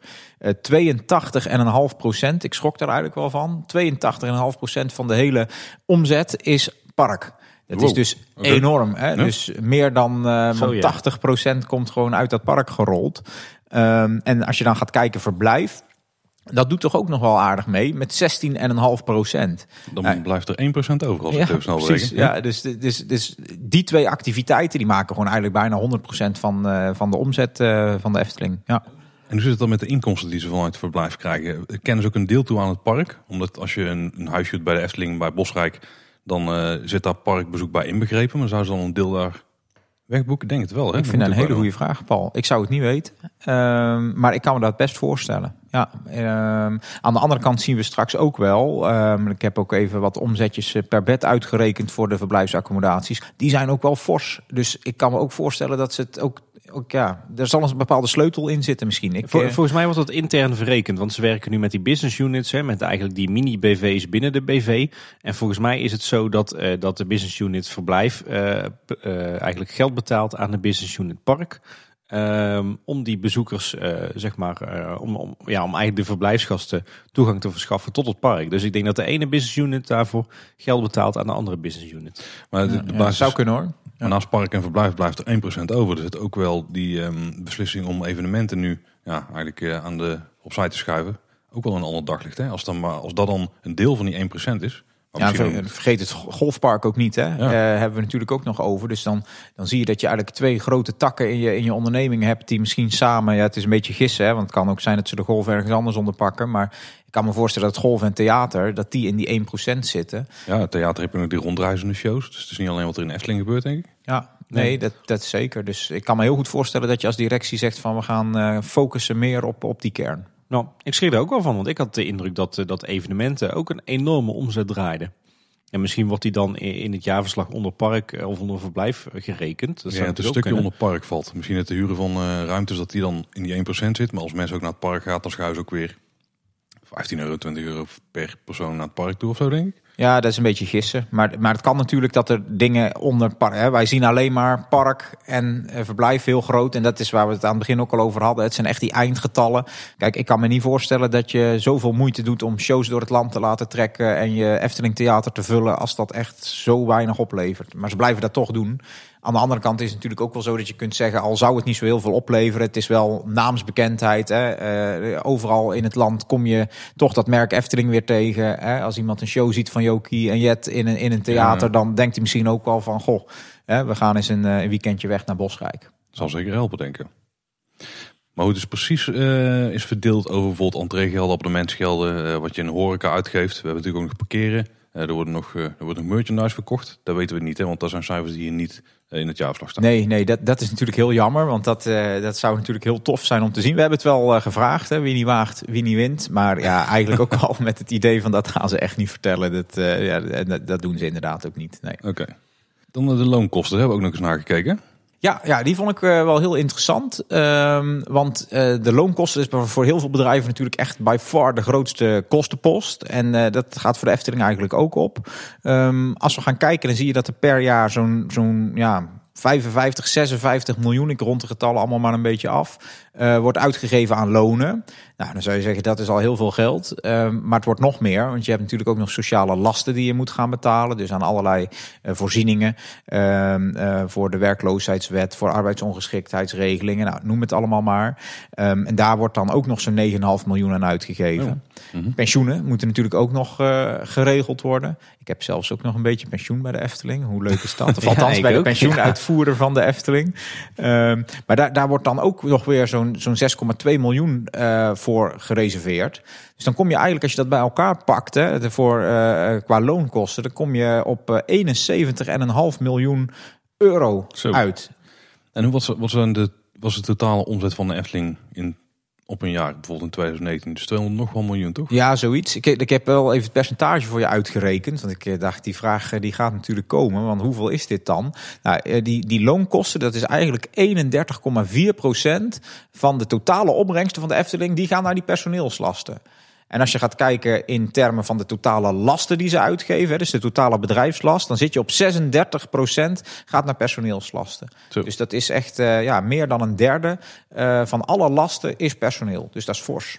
Ja. Ja, het personeel is natuurlijk ook wel heel belangrijk in alle bedrijven. Dus ik, ja. Arbeidsintensieve sector, hè? De, de vrije tijdsector. Ja, zeker weten. Ja. Ja, ik heb ook nog wat andere leuke feitjes eh, eruit gehaald. Eh, we zien hier bijvoorbeeld de sponsoropbrengsten. Die eh, zijn zo'n 200.000 euro per jaar. Sponsor opbrengsten. Dus Ja. de Efteling wordt gesponsord. Ja, ja, ja de Efteling wordt gesponsord. Ja, misschien is, zijn het jullie bestedingen wel. na 200.000 euro, Ja, dat dat ik niet. denk ik. Nee, ik denk dat dit gaat over de partners in kwaliteit. Ehm, ik vroeg me eigenlijk af ehm, of die nog wel bestonden. Want ik weet wel, vroeger op die foldertjes die ik dan allemaal trouw mee naar huis nam... eh, kon ik mooi die logootjes, eh, Coca-Cola, ABN AMRO, noem het maar. Fujifilm. Ja, zeker. De, bordjes in het park Ja. natuurlijk en zo. Ehm, we hebben natuurlijk nog wel de, de, de, de kluis en de bank en zo staan. Hè. Eh, volgens mij is de kluis ook van de Rabobank nog steeds. Ja, klopt. Dus misschien dat daar ook nog een sponsoropbrengst aan zit, dat weten we eigenlijk niet. En ik zou me nog voor kunnen stellen, want dit gaat over 2019. En in 2019 was natuurlijk eh, onze geliefde attractie Pannendroom nog volop in eh, bedrijf. Rest in peace, Pannen. Ja, ja. Nou, of niet? En, en dat is natuurlijk ook een soort partnership geweest, hè, waarbij de Efteling, eh, ik geloof maar de helft betaalde van wat dat kostte in aanschaf. En naar ik mij heb laten vertellen, ook in, in de operationele kostenpost. Dus ik kan me voorstellen dat daar ook nog een stukje sponsoropbrengst eh, in zit. Ja. Ehm, ja. We, we hebben het ook aan de Efteling gevraagd. Hè? En de Efteling die reageerde... eh, Dit zijn voornamelijk sponsorbijdragen van vaste leveranciers of partners. Bijvoorbeeld onze partners in kwaliteit. Dus dat bevestigt wel, uh, Roel, wat jij al dacht. Ja, ja, dus dat is wel leuk. Goed speurwerk. Ehm, we hebben ook eh, licensing, opbrengsten. Ehm, en dat is eigenlijk als er dingen dus in licentie worden gegeven. Dus je moet je voorstellen dat de Efteling allerlei merken heeft. En ehm, die kunnen ze als het ware ehm, verkopen aan andere merken. Dus je moet je voorstellen dat jij koopt een, eh, een pak eh, vla in de supermarkt en daar staat de sprookjesboom op. Hè, dan eh, betekent dat dat de Efteling daar geld aan verdient. Nou, in 2018 zie je dat daar 300.000 euro heeft opgebracht. En in 2019 200.000 euro. Dus je ziet dat dat eigenlijk afgenomen is. Um, ik kan mij voorstellen dat dat te maken heeft met die nieuwe regelgeving hè, voor kindermarketing. Hè, uh, niet meer op ongezonde producten um, um, ja, kindvriendelijke figuren afbeelden. Ja, volgens mij sowieso niet meer op producten kindvriendelijke uh, figuren afbeelden. Hè. Het maakt niet uit of het gezond of ongezond is, maar mm. het mag gewoon überhaupt niet meer. Ja, op, op voedsel dan. Ja. Want je mag natuurlijk wel nog uh, schriften uitbrengen met sprookjesboom op. Ja, Klopt. Ja, dus, dus misschien dat daar dan nog die 200.000 euro van overblijft. Um, ook dit hebben we even gecheckt bij de Efteling. En uh, onze vermoedens uh, zijn waar. Hè? Dus daar verliezen ze een, een ton omzet door. Ja, dit zijn natuurlijk ook allemaal... Ja, voor Ja. privé is dit natuurlijk veel geld. Ik zou graag een ton op mijn rekening hebben staan. Eh, maar voor de Efteling is dit natuurlijk ook peanuts. Hè. Eh, eh, eh, eh, uiteindelijk denk ik dat dit ook voornamelijk is. eh, hè, we vinden het leuk dat we ook weer herkend worden in die supermarkt. Of op dat schriftje. Of op achter op die, eh, op die rugzak. Ehm, maar ja, voor die 200.000 euro eh, hoef je het Ja, eigenlijk niet te doen. peanuts. Nee, Ja. Het is bijvangst. Hè? En ik Ja. denk onder fonds eh, zijn bewind en eh, de, de focus op het attractiepark... dat je dit soort dingen ook steeds meer eh, een stille dood zal zien sterven. hoor. Ja, ja dus eh, nou, wellicht zien we volgend jaar dat het nog verder gedaald is. Ja. eh, zullen we zien. Ja, wat ik nog wel interessant vond, is uh, het gaat ook over de geactiveerde productie van het eigen bedrijf. Uh, en dat zijn uh, uren die door eigen uh, vaklieden, dus door die, de timmermannen, de schilders, maar ook de projectleiders, de engineers.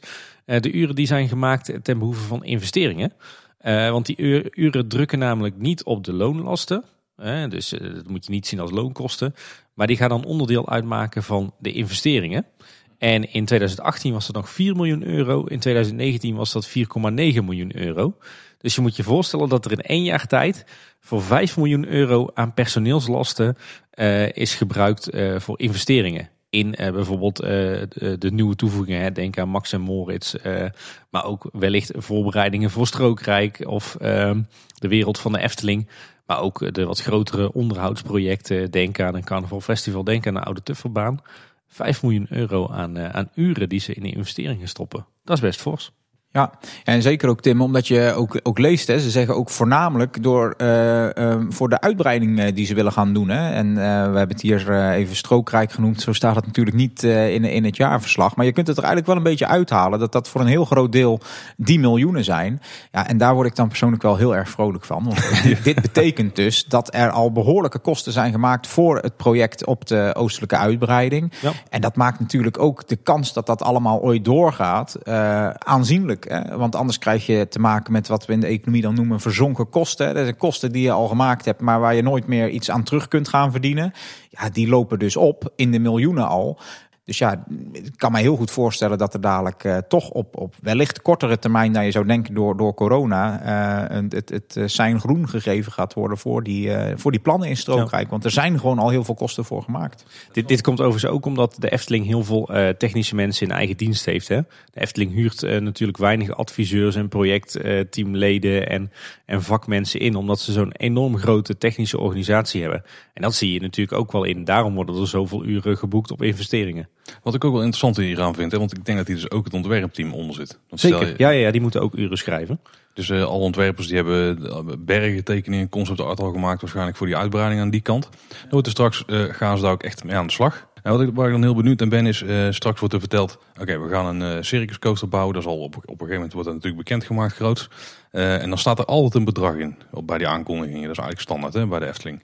Maar zitten dan die kosten die hier zijn gemaakt, die zitten daar ook al voor een deel in dan? Ja, ja, ja zeker, ja. zeker weten. Ja. Ik, ik weet wel, toen ik nog bij de Efteling werkte, toen uh, zat ik uh, op de hotelingang, het korfje. Um, en dat heeft uh, nog steeds eigenlijk een ontzettend ja. lelijk uh, interieur. Uh -huh. En toen gingen we vragen van, goh, kan dat niet een beetje een update krijgen? En nou, dat kon natuurlijk jarenlang al niet, omdat ze ja, uiteindelijk ook al wisten dat daar iets zou gaan gebeuren. maar toen was het op een gegeven moment toch gevraagd van, goh, kunnen we daar binnen dan toch niet tijdelijk even iets doen? Ik geloof dat het bijna tegen de 10.000 euro zou moeten kosten voor iets waarvan wij zouden zeggen: je haalt het bij IKEA, simpel kastje enzovoort. Ja, dan wordt dus alle kosten in die hele organisatie worden doorgerekend, doorgeboekt op zo'n project. Ja, dan loopt het heel snel op. Dus die, die bedragen die jij leest voor een investering in een bepaalde attractie, dan neem ik aan dat dat er echt allemaal wel bijgeboekt wordt. Ja, ja, ja absoluut. Dat, dat is zeker het geval in de Efteling. Alle uren die worden gemaakt door ontwerpers, door engineers, door projectleiders, door ontwerpcoördinatoren, door uh, de, de vakmensen met de troffel en hamer. Al die uren worden geboekt op, uh, op de projecten, dus dat telt zeker mee. Ja, en natuurlijk een hele belangrijke is, zijn de bedrijfsopbrengsten. Daar lezen we ook wat over.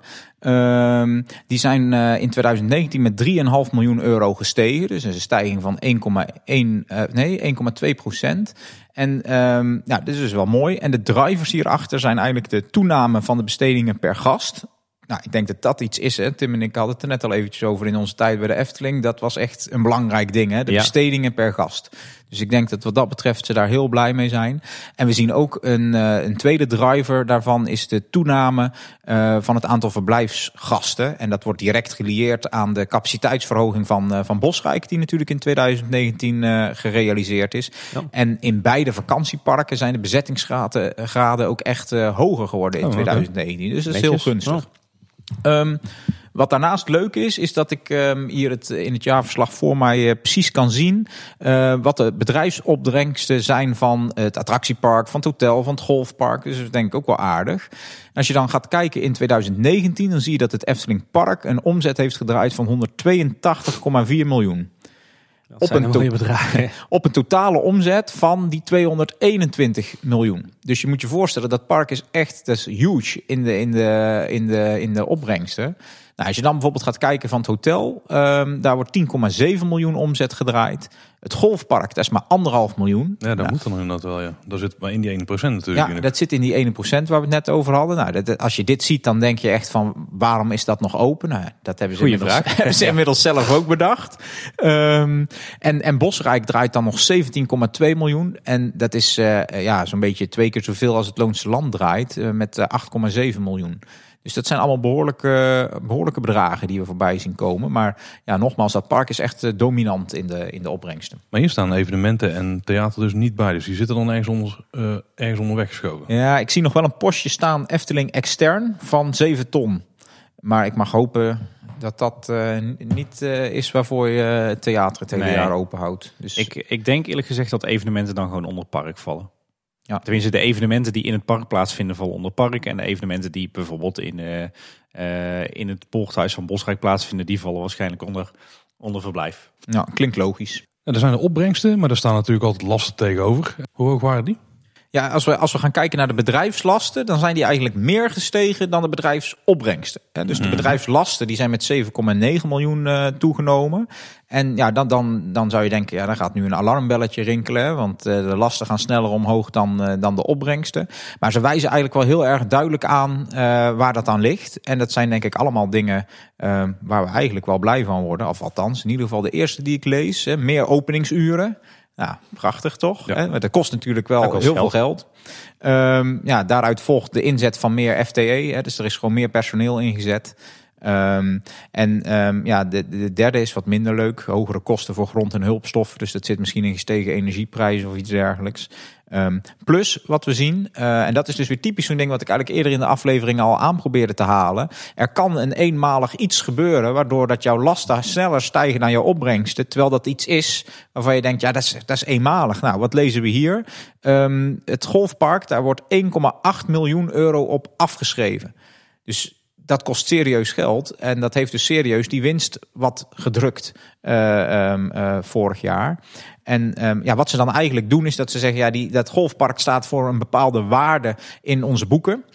Ehm, maar we gaan die eh, verminderen. Ja, dus je hebt dan een vaste activa van een bepaalde waarde. En daar ga je de waarde steeds van verminderen, omdat je daar... Ja, ja dat, dat doen ze sowieso continu met heel veel eh, activa. Hè, dat, ze, dat dat in waarde vermindert. Dat is eigenlijk logisch. Hè? Net als jouw iPad eh, die hier staat, hè, die wordt ook minder waard in de loop der tijd. Maar wat ze hier eigenlijk doen is een soort van extra afschrijving. En eigenlijk sorteren ze hier dus al een beetje voor op wat we inmiddels weten. Hè? eh, de uitfasering van het, van het golfpark. Ze, ze, ze, pakken dat eigenlijk in de, in de boekhouding terug van oké, we gaan daar vast op afschrijven.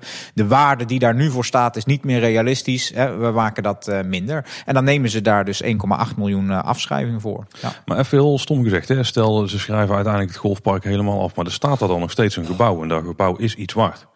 Hoe gaan ze daar dan mee om? Ja, ze zullen het dus niet helemaal afschrijven. Dus Ze zullen, zullen kijken van wat is het dan uiteindelijk echt nog wel waard.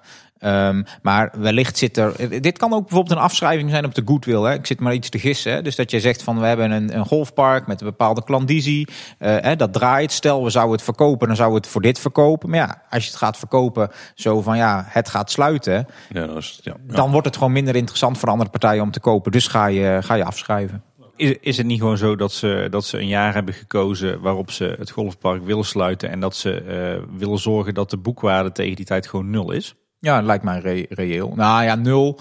Ehm, ik weet niet hoe je dat dan met de gronden doet. Ik weet niet of die gronden dan van de stichting zijn. Want die gronden, dat is natuurlijk nog wel een klap met geld waard. Ja, En die dat- gronden zijn volgens mij van de stichting. Oké, ja. En, en ja, dat, goed, de club, dat clubhuis, dat zal ook nog wel wat waard zijn. Maar het kan ook zijn dat ze zeggen, we gaan dat gewoon neerhalen natuurlijk. Hè? En dan ga je afschrijven naar nul. Ja. Ja, maar ze moeten in ieder geval versneld afschrijven, omdat het dus minder lang blijft staan dan dat ze Ja. eh, boekhoudkundig eigenlijk eh, normaal gezien zouden willen. Ja, ja, eigenlijk wel. Wat ik nog wel een leuke eh, vond, want we hebben het al heel veel over investeringen gehad eh, van eigen geld, is dat ze in 2019 in totaal voor 55,6 miljoen euro hebben geïnvesteerd in eh, materiële en immateriële vaste activa. En dat had onder meer betrekking op de uitbreiding van verblijfsaccommodaties, nou, zoals inderdaad de boshoeves op Bosrijk. Op vervangingsinvesteringen, dat zijn updates van attracties, groot onderhoud, maar bijvoorbeeld ook Fabula en de Oude Tuffer en Carnaval Festival. Eh, het sprookje De Zes Zwanen. En eh, natuurlijk attractie Max en Moritz. 55,6 miljoen euro, jongens. Ja. ja, als je alles waker op gaat tellen, dan gaat het toch hard, hè? Ja. Ja, dat tikt aan, hè? Ja. Nou, we hadden het eerder deze aflevering al over dat ehm eh, 40% van de winsten naar de aandeelhouder gaan. Dus dat is Stichting Natuurpark de Efteling. En de rest van de winst, dat was in 2019 14,2 miljoen. Ehm, die blijft dan eigenlijk in de Efteling BV. En die hebben ze toegevoegd aan de overige reserves. Nou, je zou kunnen zeggen dat is eigenlijk gewoon de spaarpot van de Efteling BV. Dat moet een flinke spaarpot zijn dan, toch? Ja, dat is dat eigen. ei- Kijk, de overige reserves vallen onder dat eigen vermogen. Hè? Dus ehm, dat eigen vermogen is gegroeid. Dus daaruit volgt dan ook weer dat die solvabiliteit omhoog gaat. En we zien eigenlijk, eh, ze, ze hebben daar ook specifieke getallen bij. Hè? Het eigen vermogen is gegaan van 59,9 eh, procent van het balanstotaal naar 61,4 van het balanstotaal. Dus eh, de spaarpot is verder gevuld en in economentermen de solvabiliteit is verbeterd. Ja. ja, je moet je maar eens indenken dat je dus al die jaren dat de Efteling winst heeft gedraaid. En de Efteling heeft volgens mij de laatste decennia alleen maar winst gedraaid. In vaak eh, meer dan 10 miljoen. Eh, daarvan is dus ieder jaar 40% van naar de stichting gegaan. En, en ieder jaar 60% van naar de BV. En dat zijn de spaarpotjes die eh, alleen maar zijn opgeplust al die jaren. Ja, ja en, en je moet je ook voorstellen, ehm, want dat, dat is, was voor mijzelf wel waardevolle informatie om hier terug te lezen. Ik dacht altijd van ga je dan vanuit die winst bijvoorbeeld een symbolica kopen, maar die symbolica is al gekocht nu zeg Ja, die is maar. al vanaf, hè? Die is al gekocht. Dus dit is wat er overblijft nadat hè, al die investeringen die Tim net om, opnoemde voor 2019, die zijn allemaal al geweest en dan blijft dit nog over. Het is natuurlijk wel zo dat dat dus geld is wat je in 2020 weer kunt gaan inzetten eh, voor, eh, voor andere zaken. Ja. Oké, we hebben dus afgelopen jaar in 2019 14,2 miljoen eh, opzij gezet. En zoals Tim net al zei, in de voorgaande jaren ook steeds 10 plus miljoen. Ehm, maar we zien nooit terug in het jaar daarna dat ze dan op dat geld gaan interen. Dus ze zijn eigenlijk een spaarpotje aan het opbouwen of zo. Ja, we, we hebben natuurlijk voor de laatste drie jaar gekeken. Het zijn allemaal vette jaren geweest. En daarbij zie je iedere keer dat er dus eigen vermogen wordt toegevoegd. Hè. Je ziet die solvabiliteit eh, zie je verbeteren. De spaarpot wordt steeds verder gevuld. Ehm, ja, daar, daar kun je allerlei redenen natuurlijk voor hebben. Hè. Ik kan me voorstellen dat je zegt van eh, we hebben dadelijk dat strookrijk. Dat gaat ontzettend veel geld kosten. We gaan daar vast een beetje voor sparen. Net zo goed als dat iemand voor zijn auto of voor zijn scooter of voor een nieuwe fiets spaart. Ehm, dus dat je eigenlijk eh, zegt van ik zet wat opzij, want ik eh, wil dan fors gaan investeren. En misschien in sommige jaren ook wel meer gaan investeren dan, dan mijn cashflow is. Hè. Die keuze kan, kan er ook zijn. ja. Oké. Roel zei net al, je hebt wat interessante dingen naar boven kunnen halen uit de stukken. En ik denk dat dit al een van de, de leuke was. Eh, br- Brand eens los, wat, wat gebeurt Ja, er ja, ja. Ik- dit- deze vond ik heel erg leuk om te zien. Er staat op een gegeven moment in het jaarverslag dat er in 2015 een exportfinanciering is afgesloten ter waarde van 6 miljoen euro. En eh, dat hebben ze gedaan bij een, eh, een, eh, een Zwitserse eh, kredietverzekeraar. Ehm, de, eh, eens een poging ja, probeer maar. De eens. Zwitserse exportrisk Coversicherung, zoiets denk ik. Ja, zoiets. Maar eh, ik- dit vond ik echt een interessante passage. Want ehm, ik, ik, ik had eigenlijk nog nooit gehoord van exportfinanciering. Dus ik ben eens even gaan, eh, gaan graven wat dat nou precies is. Ehm, en ehm, eh, waar het eigenlijk op neerkomt is een aantal dingen. Een exportfinanciering doe je eigenlijk alleen maar als je kosten moet gaan financieren aan een leverancier. En die kosten wil je dan pas later gaan betalen omdat het ook later of veel later geleverd wordt. Hè. Dus jij moet al iets gaan betalen, maar dat wordt veel later geleverd. Ehm, en je wil dat dus voorfinancieren. Dat is eigenlijk wat je doet. Nou, het woordje export zit er al in. Je doet dat voor een betaling aan het buitenland. En ehm, dat, dat bedrijf, eh, ehm, wat jij net zo heel goed kon uitspreken, Ja, en wat ik, eh, wat ik ook echt even bij jou laat. De SERF. ja, de SERF noemen we maar. Dat is dus een Zwitsers bedrijf. Een Zwitsers Een bedrijf. Zwitsers bedrijf, ja. En ehm, eh, het, vierde feit volgens mij is dat eh BNM eh, een Zwitsers bedrijf is. En Intamin, dat weet ik eigenlijk wel zeker, want ik was vorig jaar in eh Liechtenstein. Dat zit in Liechtenstein. En dat is iets wat echt vastplakt aan Zwitserland, een landje. Ja, en nu wordt het natuurlijk een beetje gissen. Hè? Ehm, maar als ik die dingen bij elkaar optel, ehm, ja, dan zou het dan niet zo kunnen zijn dat voor de financiering eh, van Baron 1898, of ehm, misschien wel voor de geplande Intamin Launch Coaster, hè, de circus eh, achtbaan, ja, zou het niet kunnen dat ze daar dus al kosten voor hebben gemaakt in 2015? Ehm, buitenlandse leveranciers. Ze doen het ook echt bij een Zwitserse bank ehm, eh, of, verzekeraar. Ehm, ja, wie weet zijn dat wel de ontwerpkosten van eh, de baron geweest? Of is het een deel van de baan die daardoor gefinancierd is? Of ja, wellicht dus wel eh, een stukje ontwerpkosten voor, die, eh, voor die circus coaster.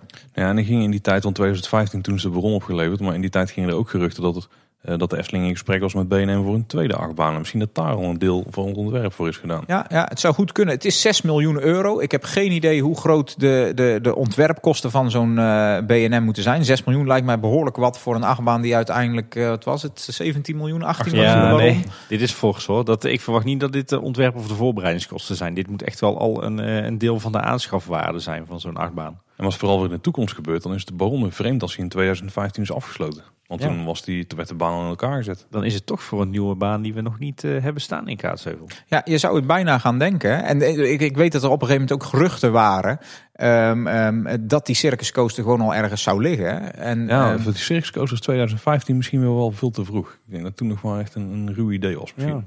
Ja. Hmm, wel interessant. interessant, ja, ja. we weten het niet. Maar ehm, ja, toch. Ik vond me aardig. Zeker, ja.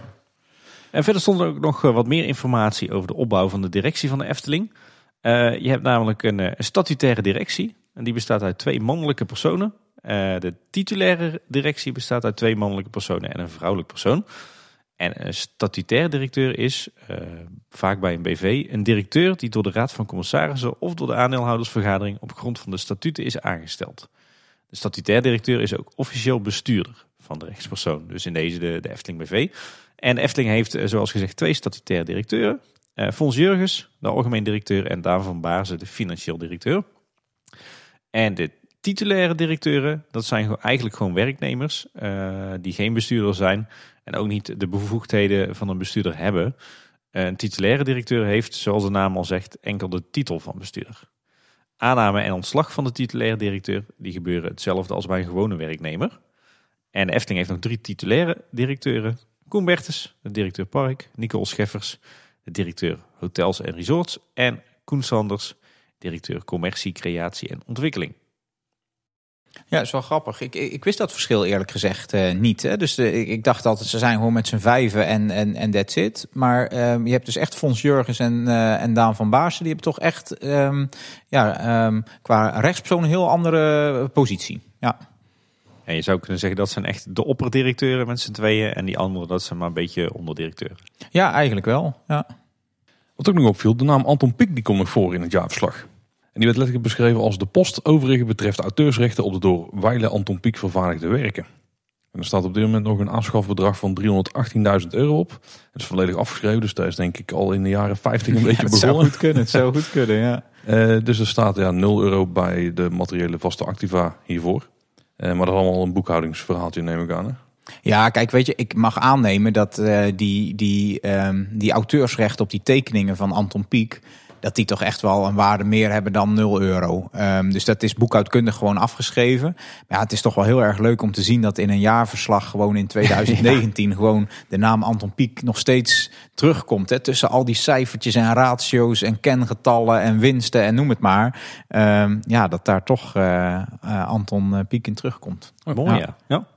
We lezen ook nog wat over afschrijvingspercentages. Uh, dat is ook wel interessant. Je ziet eigenlijk dat ze verschillende afschrijvingspercentages toepassen. Misschien voor de luisteraars die dat niet weten wat een afschrijving uh, is. Het, het, is eigenlijk een waardevermindering uh, van ja, duurzame productiemiddelen noemen we dat dan. Um, bijvoorbeeld dus die iPad van, van Paul die hier, die hier staat. Hè, die heeft hij gekocht voor een bepaald bedrag.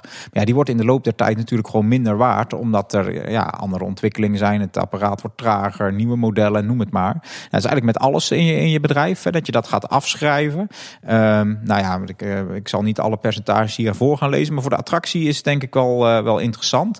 Ze gaan er eigenlijk vanuit dat die attracties in 25 jaar uh, worden afgeschreven. Dus je zou kunnen zeggen, als dit altijd al zo geweest is. Dan ga ik maar even vanuit dat alle attracties van 25 jaar en ouder. Dat die dan eigenlijk voor nul uh, euro in, in de boeken staan. Dus die zijn eigenlijk dan al totaal afgeschreven. Nou, wat je ziet is dat ze in de eerste 20 jaar per jaar 20% van de boekwaarde afschrijven. En uh, dan in die laatste vijf jaar, dan gaan ze vervolgens uh, lineair afschrijven. Um, nou ja, het is wel, wel interessant. Dus ze schrijven eigenlijk het snelst af in het begin van die attractie. Um, logisch ook, hè. Dan, um, daarna gaat de aantrekkingskracht van die attractie natuurlijk ook afnemen. dus ja, dat zie je ook weer in zo'n jaarverslag verslag terug.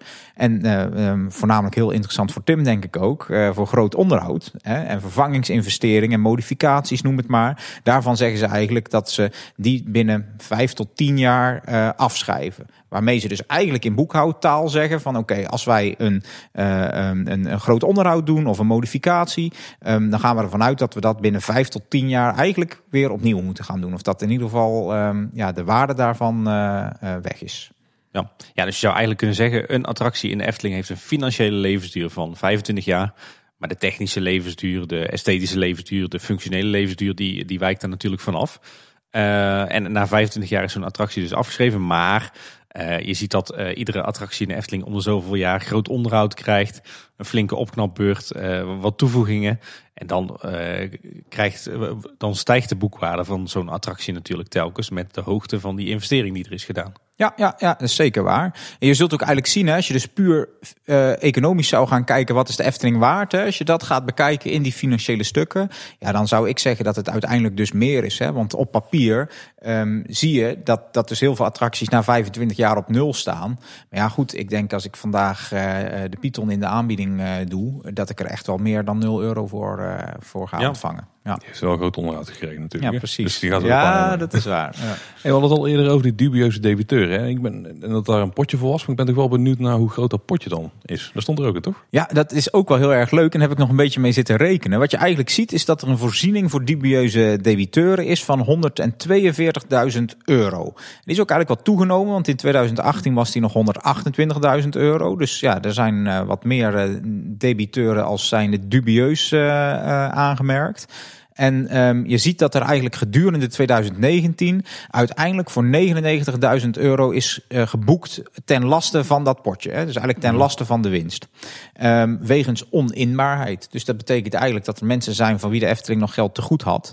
Um, maar ja, die hebben dat uh, uiteindelijk uh, niet betaald. Dus dat gaat in 2019 dan bijna om een ton. Ja, wat zou dat dan kunnen zijn? Hè? Ik zit net te denken, het zouden bijvoorbeeld ook mensen kunnen zijn die gewoon zijn overleden. Ja, oh, dat zou inderdaad ook heel goed kunnen. Ja, het is, het is inderdaad een goede. Die had ik nog niet bedacht. Um, het, ik kan me ook voorstellen dat het bijvoorbeeld met die maandabonnement is. Hè. Daar ja. hadden we het eerder al eventjes over. Dat is natuurlijk wel een risico. Hè. Voorheen betaalde iemand gewoon in één keer zijn bedrag. En uh, dan na een jaar werd het pasje geblokkeerd. Um, en nu zeg je eigenlijk betaal maar 18 euro in de maand. Uh, en um, ja, dan moeten we nog maar zien of dat, dat geld gaat komen. En als dat geld op een gegeven moment niet op een rekening staat van iemand. En de incasso komt. Ja, dan, dan, dan, uh, dan gaat dat natuurlijk natuurlijk niet. Nee, en dan heb je gewoon schuld bij de Efteling. Ja, ja, eigenlijk wel. En, en dan zullen ze er ongetwijfeld achteraan gaan. Uh, en zullen ze um, uh, in, een incassobureau wellicht sturen. En dan zul je dus bij een deel zien dat het daar dan toch niet te halen valt, omdat het er gewoon niet is. Ja. En dan kom je dus op die 99.000 euro uh, per jaar. Nou, een beetje om te rekenen uh, vond ik dan wel weer geinig. Um, het zouden dan zo'n 500 jaar abonnementen zijn. Um, die uh, dan uiteindelijk niet echt uh, um, ja, inbaar zijn. Nou ja, dat is voor jaarabonnementen natuurlijk een slecht voorbeeld. Want die worden gewoon in één keer betaald. Dus dat is het dan. maar het zou om 6000 maand incasso's gaan. dat is natuurlijk best fors. En eh, ja, het is ook maar gewoon een beetje creatief rekenen dit natuurlijk. Want het kunnen ook bedrijven zijn die een bepaalde rekening niet hebben afbetaald. eh, die een feestje hebben gevierd en eh, de aanbetaling wel hebben gedaan. En daarna is zo'n bedrijf misschien failliet gegaan. En hebben ze het tweede deel van de betaling niet meer eh, kunnen doen. Kan van alles zijn. En sowieso op 90.000 abonnementhouders zijn natuurlijk eh, 500 jaar abonnementen is ook maar peanuts. Hè? Ja, Als ja het al is. Hè. is ook weer waar. En we hebben het dan al gehad over dat de Efteling toch wel wat lening heeft. Maar bij wie leent de Efteling dan? Ja, dat heb ik ook eventjes eh, opgezocht. Eh, je ziet dat ze een eh, eh, lening hebben bij een aantal partijen. De coöperatieve centrale Raiffeisen Boerenleenbank. Ja, vind ik dan als econoom erg leuk om terug te lezen. Want de Raiffeisen Boerenleenbank, eh weten jullie hoe we die kennen tegenwoordig? Ja, dat is ook de Rabo. Dat is de. Rabobank, Ja, ja, ja, zeker. Dat is, de, dat is de, de, de Rabobank. Dus daar hebben ze een lening staan. Ze hebben ook bij de, de inmiddels dus de gefuseerde combinatie Rabobank een lening staan. Eh, ABN AMRO. Eh, eigenlijk twee banken die mij helemaal niet verbazen. Dat zijn natuurlijk oude partners in, in kwaliteit of nog steeds. Hè? Dus daar, eh, dat, is, dat is logisch. Ehm geinig is eh, ook eh, de provincie Noord-Brabant. Nou, ik, ik denk dat jullie ook weten waarvoor dat was. De provincie Noord-Brabant. Daar hebben ze geld geleend toch ook voor uitbreidingen? Ja, ja, ja. Weet je ook wat? Grondaankoop volgens mij. Nee. Ik eh, val even stil, ik durf niet te zeggen. het Loonse Land. Het Loonse Land is deels met eh, eh, geld uit de cashflow dus gefinancierd, zoals ze dat altijd doen. Maar ook, ik geloof dat het 15 of 15 miljoen was het volgens mij vanuit de provincie. Er was toen een heel gunstige regeling om daar te kunnen, regen, kunnen lenen. En dat hebben ze toen gedaan, volgens mij. Oh, Ja. dat is nieuw voor mij. Ja, dus eh, nou, jij ziet hem hier terugkomen. Ja. Provincie Noord-Brabant. Nou, dan hebben ze nog bij Nationale Nederlanden eh, een, eh, een lening staan. En bij de aandeelhouder, de stichting, uiteraard. En ehm, ook leuk, ehm, bij de leden van de Efteling Golfclub. Dus we hebben een hoop geld geleend. Over geld dat je leent, dan moet je rente betalen. Hoeveel rente betaalt de Efteling dan per jaar? Ja, dat is dus ook, eh, ook weer zo'n interessant eh, gegeven. Eh, even opgezocht in het jaarverslag. Dat gaat om eh 2.556.000 euro aan rente. En ehm, Ongeveer in de zes zwanen aan rente. Ja, ja, ja, dus je zou eigenlijk zeggen, als je nou alles gewoon helemaal met eigen geld zou hebben gefinancierd, dan zou je ieder jaar een, een zes zwanen kunnen, kunnen bouwen, omdat je geen rente betaalt. Mooie manier om te zeggen. En een Ja. solvabiliteit van 100%. Ja, ja, zeker. Ja, hey, eh, de les is eh, Ja, aangekomen. Fantastisch. Ja. Aan de andere kant, 2,5 miljoen euro rentekosten per jaar is natuurlijk voor een bedrijf als de Efteling echt peanuts. Hè? Ja, dat is echt peanuts. Als je gaat kijken wat, wat ze daar dan uiteindelijk voor kunnen lenen, hè, dat heb ik even opgeteld. Ze hebben langlopende leningen staan voor 69,8 miljoen euro.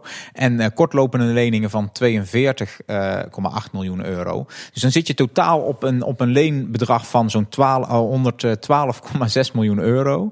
Ehm, ja, en als je dan gaat uitrekenen wat de gemiddelde rente is, hè, de rente scheelt natuurlijk per lening, maar gemiddeld eh, zouden ze dan zo'n 2,27% rente betalen. Ja, dat is natuurlijk heel erg netjes. Ja, dat is heel weinig, Dat is ja. echt, Ja. eh, dat is heel erg weinig. En dat is ook volkomen logisch, hè, ehm, want dan komt hij weer. Solvabiliteit is hartstikke goed. Weinig risico voor de Ja. bank. Dus ja, dat, dat ziet de Efteling gewoon terug in, eh, in de rentelasten die ze betalen. Ehm, we zien ook nog wat andere getalletjes staan. Ehm, bijvoorbeeld eh, reeds verkochte entree-tickets 2019. Ja, dus dat zijn eigenlijk entree-tickets die, die, die zijn dan al verkocht, maar die zijn nog niet gebruikt. Nou, die worden eigenlijk eh, geboekt onder een post eh, verplichtingen. Nou, en dat was dan in 2019 voor zo'n 2,6 miljoen euro. Nou, is wel geinig. En zo'nzelfde soort iets zie je bij abonnementsgelden. Ehm, die zijn dan eigenlijk vooruit ontvangen. En dan komen we eigenlijk een beetje op waar we het eerder vandaag over hadden, volgens mij. Hè. Dan zie je de post staan reeds vooruit ontvangen abonnementsgelden. Dat zijn dus waarschijnlijk die jaarabonnementen waarvan Ja. ze zeggen: hey, we hebben dat geld al wel eh, ontvangen van eh, Paul en Tim. Maar eh, hè, dat is eigenlijk een stukje vooruitbetaling voor de tijd die nog gaat komen. Dus dat staat dan als een reservering ehm, hier in, in, in het verslag. Ja, dus stel je koopt op 1 juli een jaarabonnement, dan, is hij het, dan valt hij voor zes maanden in het huidige jaar, maar ook voor zes maanden in het aankomend jaar. en dat schuiven ja, dan zo door. Ja, ja precies. En, en, en zo doen ze dat ook met cadeaukaarten. Die zien we hier. Dat vond ik ook wel een opmerkelijk getal hoor. Dat gaat echt voor, eh, wat is het, eh, bijna 1,7 miljoen euro Oh, aan cadeaukaarten. Die dus uitgegeven zijn, maar die nog niet besteed zijn. En let wel, dit is nog voor eh, de sluiting van het park eh, geweest, waarbij natuurlijk al die, ehm, eh, die pasjes opgewaardeerd Ja. zijn met, met geld. Dus de, die cadeaukaarten, dat, die, die worden echt fors verkocht. Viel Ja. mij op. Ja. En, en het stijgt ook flink, hè? want in eh, 2018 eh, ging het nog om 1,3 miljoen euro. In 2019 al om 1,7 miljoen euro bijna. En ook met die, met die vooruit betaalde abonnementsgelden. In 2018 was het nog 3,3 miljoen euro. En in 2019 alweer 3,7 miljoen euro. Ja, ja het, gaat, het gaat goed. Eh, Wat, wat ook nog opviel is dat de situatie met Maarten Hartveld dat hij ook terugkwam. Je hebt het hier de Hartveldrel genoemd. Wel een mooie term. Ehm, hoe zat dat precies? Nou ja, we, we lezen eigenlijk letterlijk een citaat eh, eh, over eh, ja, het, hele gebeuren rondom die muziekrechten of die Mhm. auteursrechten van Mhm. de muziek van Maarten Hartveld. Ik zal hem even citeren. Als gevolg van een juridische procedure rondom auteursrechten is sprake van een verplichting van 15.000 euro per jaar voor de jaren 2020 en 2021. Voor de jaren 2022 en verder staat een verplichting van 15.000 euro in totaal. Ja, dus ehm, ja, wat we hier precies uit moeten lezen, het staat er natuurlijk vaag genoeg om, om dat niet helemaal precies te weten. Maar het, het kan zijn dat ze bepaalde proceskosten, denk ik, eh, incalculeren. Dus ik kan me voorstellen dat er eh, advocaatkosten of zo Ja. ingecalculeerd staan om hier eh, uiteindelijk uit te gaan komen. Of misschien een verhoogde Buma Stemra eh, afdracht. Ja, Ja, ze, ze hebben in ieder geval geld gereserveerd om, eh, om dit verder af te handelen. Ja. Wat ik nog wel leuk vond, eh, is, is een getalletje van het, eh, het gemiddeld aantal eh, in het buitenland werkzame werknemers. Dat waren er zeven in 2019. Ja, weet je En- wat dat zijn, denk ik, Tim? Vertel. Ik, denk- ik denk dat dat die, die marketingbureaus in het buitenland zijn. Precies. Ja. Ja, dat was ook mijn gedachte erbij. Je hebt inderdaad volgens mij in België, in Frankrijk, in Duitsland en in Engeland van die marketingkantoortjes van de Efteling met mensen die op locatie zitten. En dat zullen deze zeven zijn. Wat ook nog wel interessante informatie is die erin staat, is hoeveel mensen, of hoeveel FTE eigenlijk, dus hoeveel eh, fulltime mensen, maar dat is dan vaker verdeeld over eh, meerdere mensen, want er zijn natuurlijk ook deeltijdmensen die in, op de verschillende bedrijfsonderdelen werken. Maar hoeveel er dus per bedrijfsonderdeel actief zijn. In 2018 werkte in het Efteling Attractiepark 1410 FTE. En in 2019 zijn dat 1466 geworden, dus een toename van 56. De Efteling Golfpark was beide jaren 21 personen. En eh, dit, vond ik nog wel bijzonder eigenlijk. In het Efteling Hotel werken, werkte in 2018 67 personen en in 2019 69. Vind ik niet heel veel eigenlijk. En, maar vooral bij Bosrijk en het Loonse Land. Bosrijk zit dus op 65 in 2018 en 66 in 2019. En het Loonse Land op 47 in 2018 en 51 in 2019. Dat vind ik dan eigenlijk best wel weinig mensen om zo'n heel park draaiend te houden. Ja, ja ik, ik kan me voorstellen dat dit ook alleen de mensen zijn die bij de Efteling zelf in dienst zijn. Hè? Dus volgens Ja. mij zie je de, de, de schoonmaakploeg eh, van Ja, CSU. goeie. Ja. Ja. Ehm, ik, ik denk dat die hier niet in zitten. Ja, Nee, misschien dat, onderhoud, dat de mensen van het onderhoud in het park zitten en die doen dan daar ook af en toe klusjes. Maar Ja. ja, Ja, want dit gaat vooral om mensen op de front office, hè, dus bij de, bij de receptiebalie, eh, wat, eh, wat facilitaire mensen en de mensen in de horeca. En goed, we hebben het hier over FTE, maar vaak zijn die mensen die in de horeca werken, eh, dat zijn ook niet altijd fulltimers. Dus op zich vind ik dat, eh, ik ik er niet van te kijken dat het maar zulke beperkte cijfers zijn. Eh, want je hebt daar ook niet zo heel veel plekken te vullen natuurlijk. Hè. ja, dat is beter te verklaren. Ja. Eh, verder nog leuk, eh, de marketing- en communicatiekosten die waren in 2018 9,7 miljoen euro en in 2019 eh, 9,3 miljoen euro. Die zijn dus iets afgenomen. Dat komt natuurlijk omdat wij niet meer werk voor een rekening nemen. Precies. Kunnen we wel Eh, even een factuurtje sturen. eh, en als je dan gaat rekenen, dan, eh, dan levert dat op dat de Efteling iedere dag gemiddeld ruim 25.000 euro uitgeeft aan marketing en communicatie. Eh, en als je dat dan eh, zou verdelen over 24 uur per dag, dan eh, gaat het nog steeds om 1060 euro per uur wat ze aan marketing en communicatie uitgeven. Zijn Dat is enorm bedragen, hè? Ja, Ja. enorm. Ja.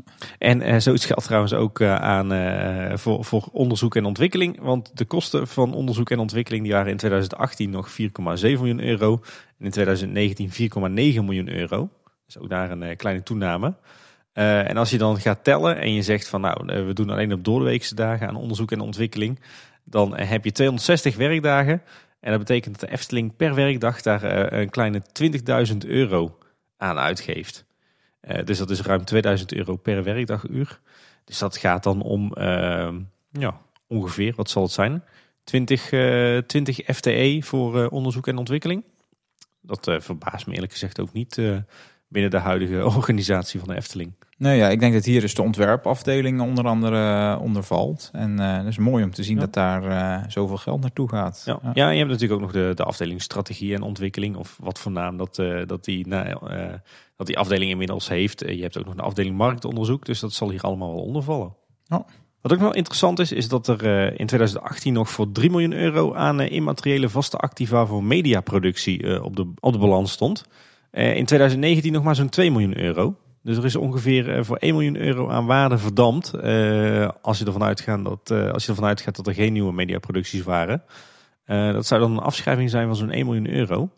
Maar goed, er waren natuurlijk wel wat nieuwe mediaproducties. Hè? Wat nieuwe filmpjes van, van Jokie en Jet bijvoorbeeld. Nog wat sprookjesboom dingetjes. Dan is de afschrijving dus nog hoger. Maar als we dan wat later in het jaarverslag kijken, dan, dan zien we dat het toch echt grotendeels om afschrijvingen gaat. Want er is uh, slechts voor zo'n 300.000 euro aan uh, nieuwe mediaproducten aangeschaft.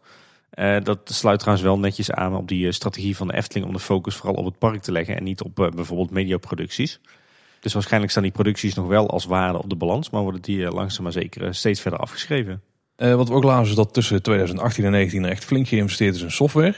Nou, een goede zaak natuurlijk. De waarde die is gestegen van 9,5 miljoen euro tot 11,1 miljoen euro. Dus dat is echt een flinke stijging. We hebben even gecheckt wat dit was. En daar blijkt voor een groot deel te hebben gezeten in de ontwikkeling van Efteling.com en de Efteling app. En er zitten bijvoorbeeld ook de mogelijkheden bij dat je eten kunt bestellen via de app. Uh, dat is pas eind 2019 gelanceerd, maar dat komt natuurlijk. Dat is natuurlijk een aanloop aan waarin ze die investeringen moeten doen. En ik had ook soms vermoed dat het met het kassysteem te maken had, maar dat heeft de Efteling zelf uh, niet gemeld aan ons. Hm, het zou toch waar zou, kunnen het zou zijn. kunnen. Ja. En nu is het tijd voor wat indrukwekkende cijfers, Roel. Want uh, wat ik uh, terugzag was dat de Efteling voor zo'n 258 miljoen euro aan materiële vaste activa bezit. Uh, daaronder vallen dan de attracties, de bedrijfsgebouwen en de terreinen. Dus je zou kunnen zeggen dat de Efteling als geheel momenteel een boekwaarde heeft van 258 miljoen euro. we weten wel dat de herbouwwaarde, dus stel alles brandt af en je zou het helemaal opnieuw moeten opbouwen. Die ging volgens mij een paar jaar geleden al naar de miljard en die zal inmiddels nog wel hoger liggen. maar goed, de boekwaarde van de Efteling is op dit moment dus 258 miljoen euro. Als je dan even wat gaat uh, rekenen uh, en je kijkt dat in 2019 een gemiddelde koopwoning ongeveer 308.000 euro kostte, dan kon je daar zo'n 838 huizen van kopen. En als je dan de totale activa pakt, dus niet alleen de materiële vaste activa, maar ook de vlottende activa, de immateriële activa. Hey, opgelet, Roel, ja. dan gaat het om een balanstotaal van 308 miljoen 261.000 euro. En dat zijn zo'n 1001 huizen. Dus als je kijkt dat er op dit moment gemiddeld zo'n uh, 2,1 personen in een Nederlands huishouden wonen, dan kan je met recht de Efteling een klein dorp noemen. Ja, dat zijn wel aantallen. Hè? 258 miljoen. Dat is dus alleen maar, dat is niet de hele balanswaarde. Hè? Dus dat is alleen nog maar aan materiële vaste activa. Dus dat zijn die, die dingen die echt langer dan een jaar um, in, in, in, uh, in de Efteling blijven staan. Het uh, een enorm bedrag. Dat ja. betekent ook dat er ongeveer 50 miljoen aan immateriële vaste activa zijn. Dat is een hoop frikandellen. Heb je honger, Paul? hey Tim, maar je leest eigenlijk over een, een heel belangrijke uh, post heen. Uh, dat is misschien wel een van de grootste stijgingen van, de, van 2018 en 2019, procentueel gezien in ieder geval. En dat is de postvergunningen.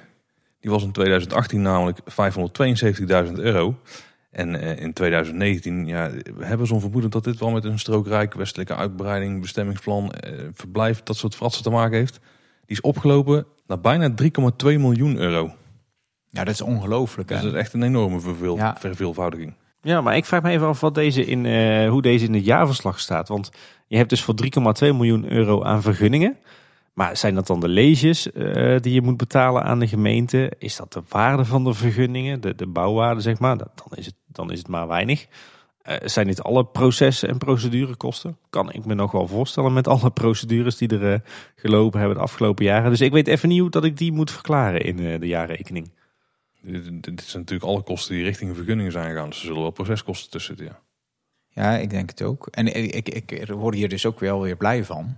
Um, want dit, dit is weer datzelfde verhaal als net. Hè. Dit, dit, dit, als dit niet doorgaat, hè, dat hele gebeuren, dan daar zit al zoveel geld in. Dus die, dit, dit, uh, dit gaat door als het uh, mag dadelijk. Uh. ja, laten we het hopen. Zo, nou, er waren een hoop cijfertjes. En gelukkig voor de Efteling ook vooral veel hoge cijfers. Tenminste, van alle inkomsten die ze hebben, hebben binnengekregen. Nou hebben we een beetje het harde cijferwerk wel gehad. Hè? Maar we gaan in een andere aflevering nog even creatief rekenen. Dus dan, dan gaan we een beetje kijken naar... Ja, wat, wat betekenen die cijfers echt? Of wat zouden ze kunnen betekenen vooral? Want, omdat we een paar cijfers een beetje moeten afleiden van andere dingen dan... Of van dingen die we uit andere hoeken horen. Dan kunnen we wel tot bepaalde grove aannames komen. Dat is echt goed, denk ik. Hè? Ja, dat is zeker waar, Paul. Uh, wat we nu eigenlijk hebben gedaan, is dat we hebben gekeken gewoon echt sec naar het jaarverslag. Wat staan daar nou voor harde cijfers in? Wat zijn echte conclusies die we daaruit kunnen trekken? Um, maar ja, de meest interessante uh, uh, zaken die liggen misschien nog wel in het verschiet. Um, want we zeiden in het begin van de aflevering al, hè, dit zijn allemaal eindgetallen.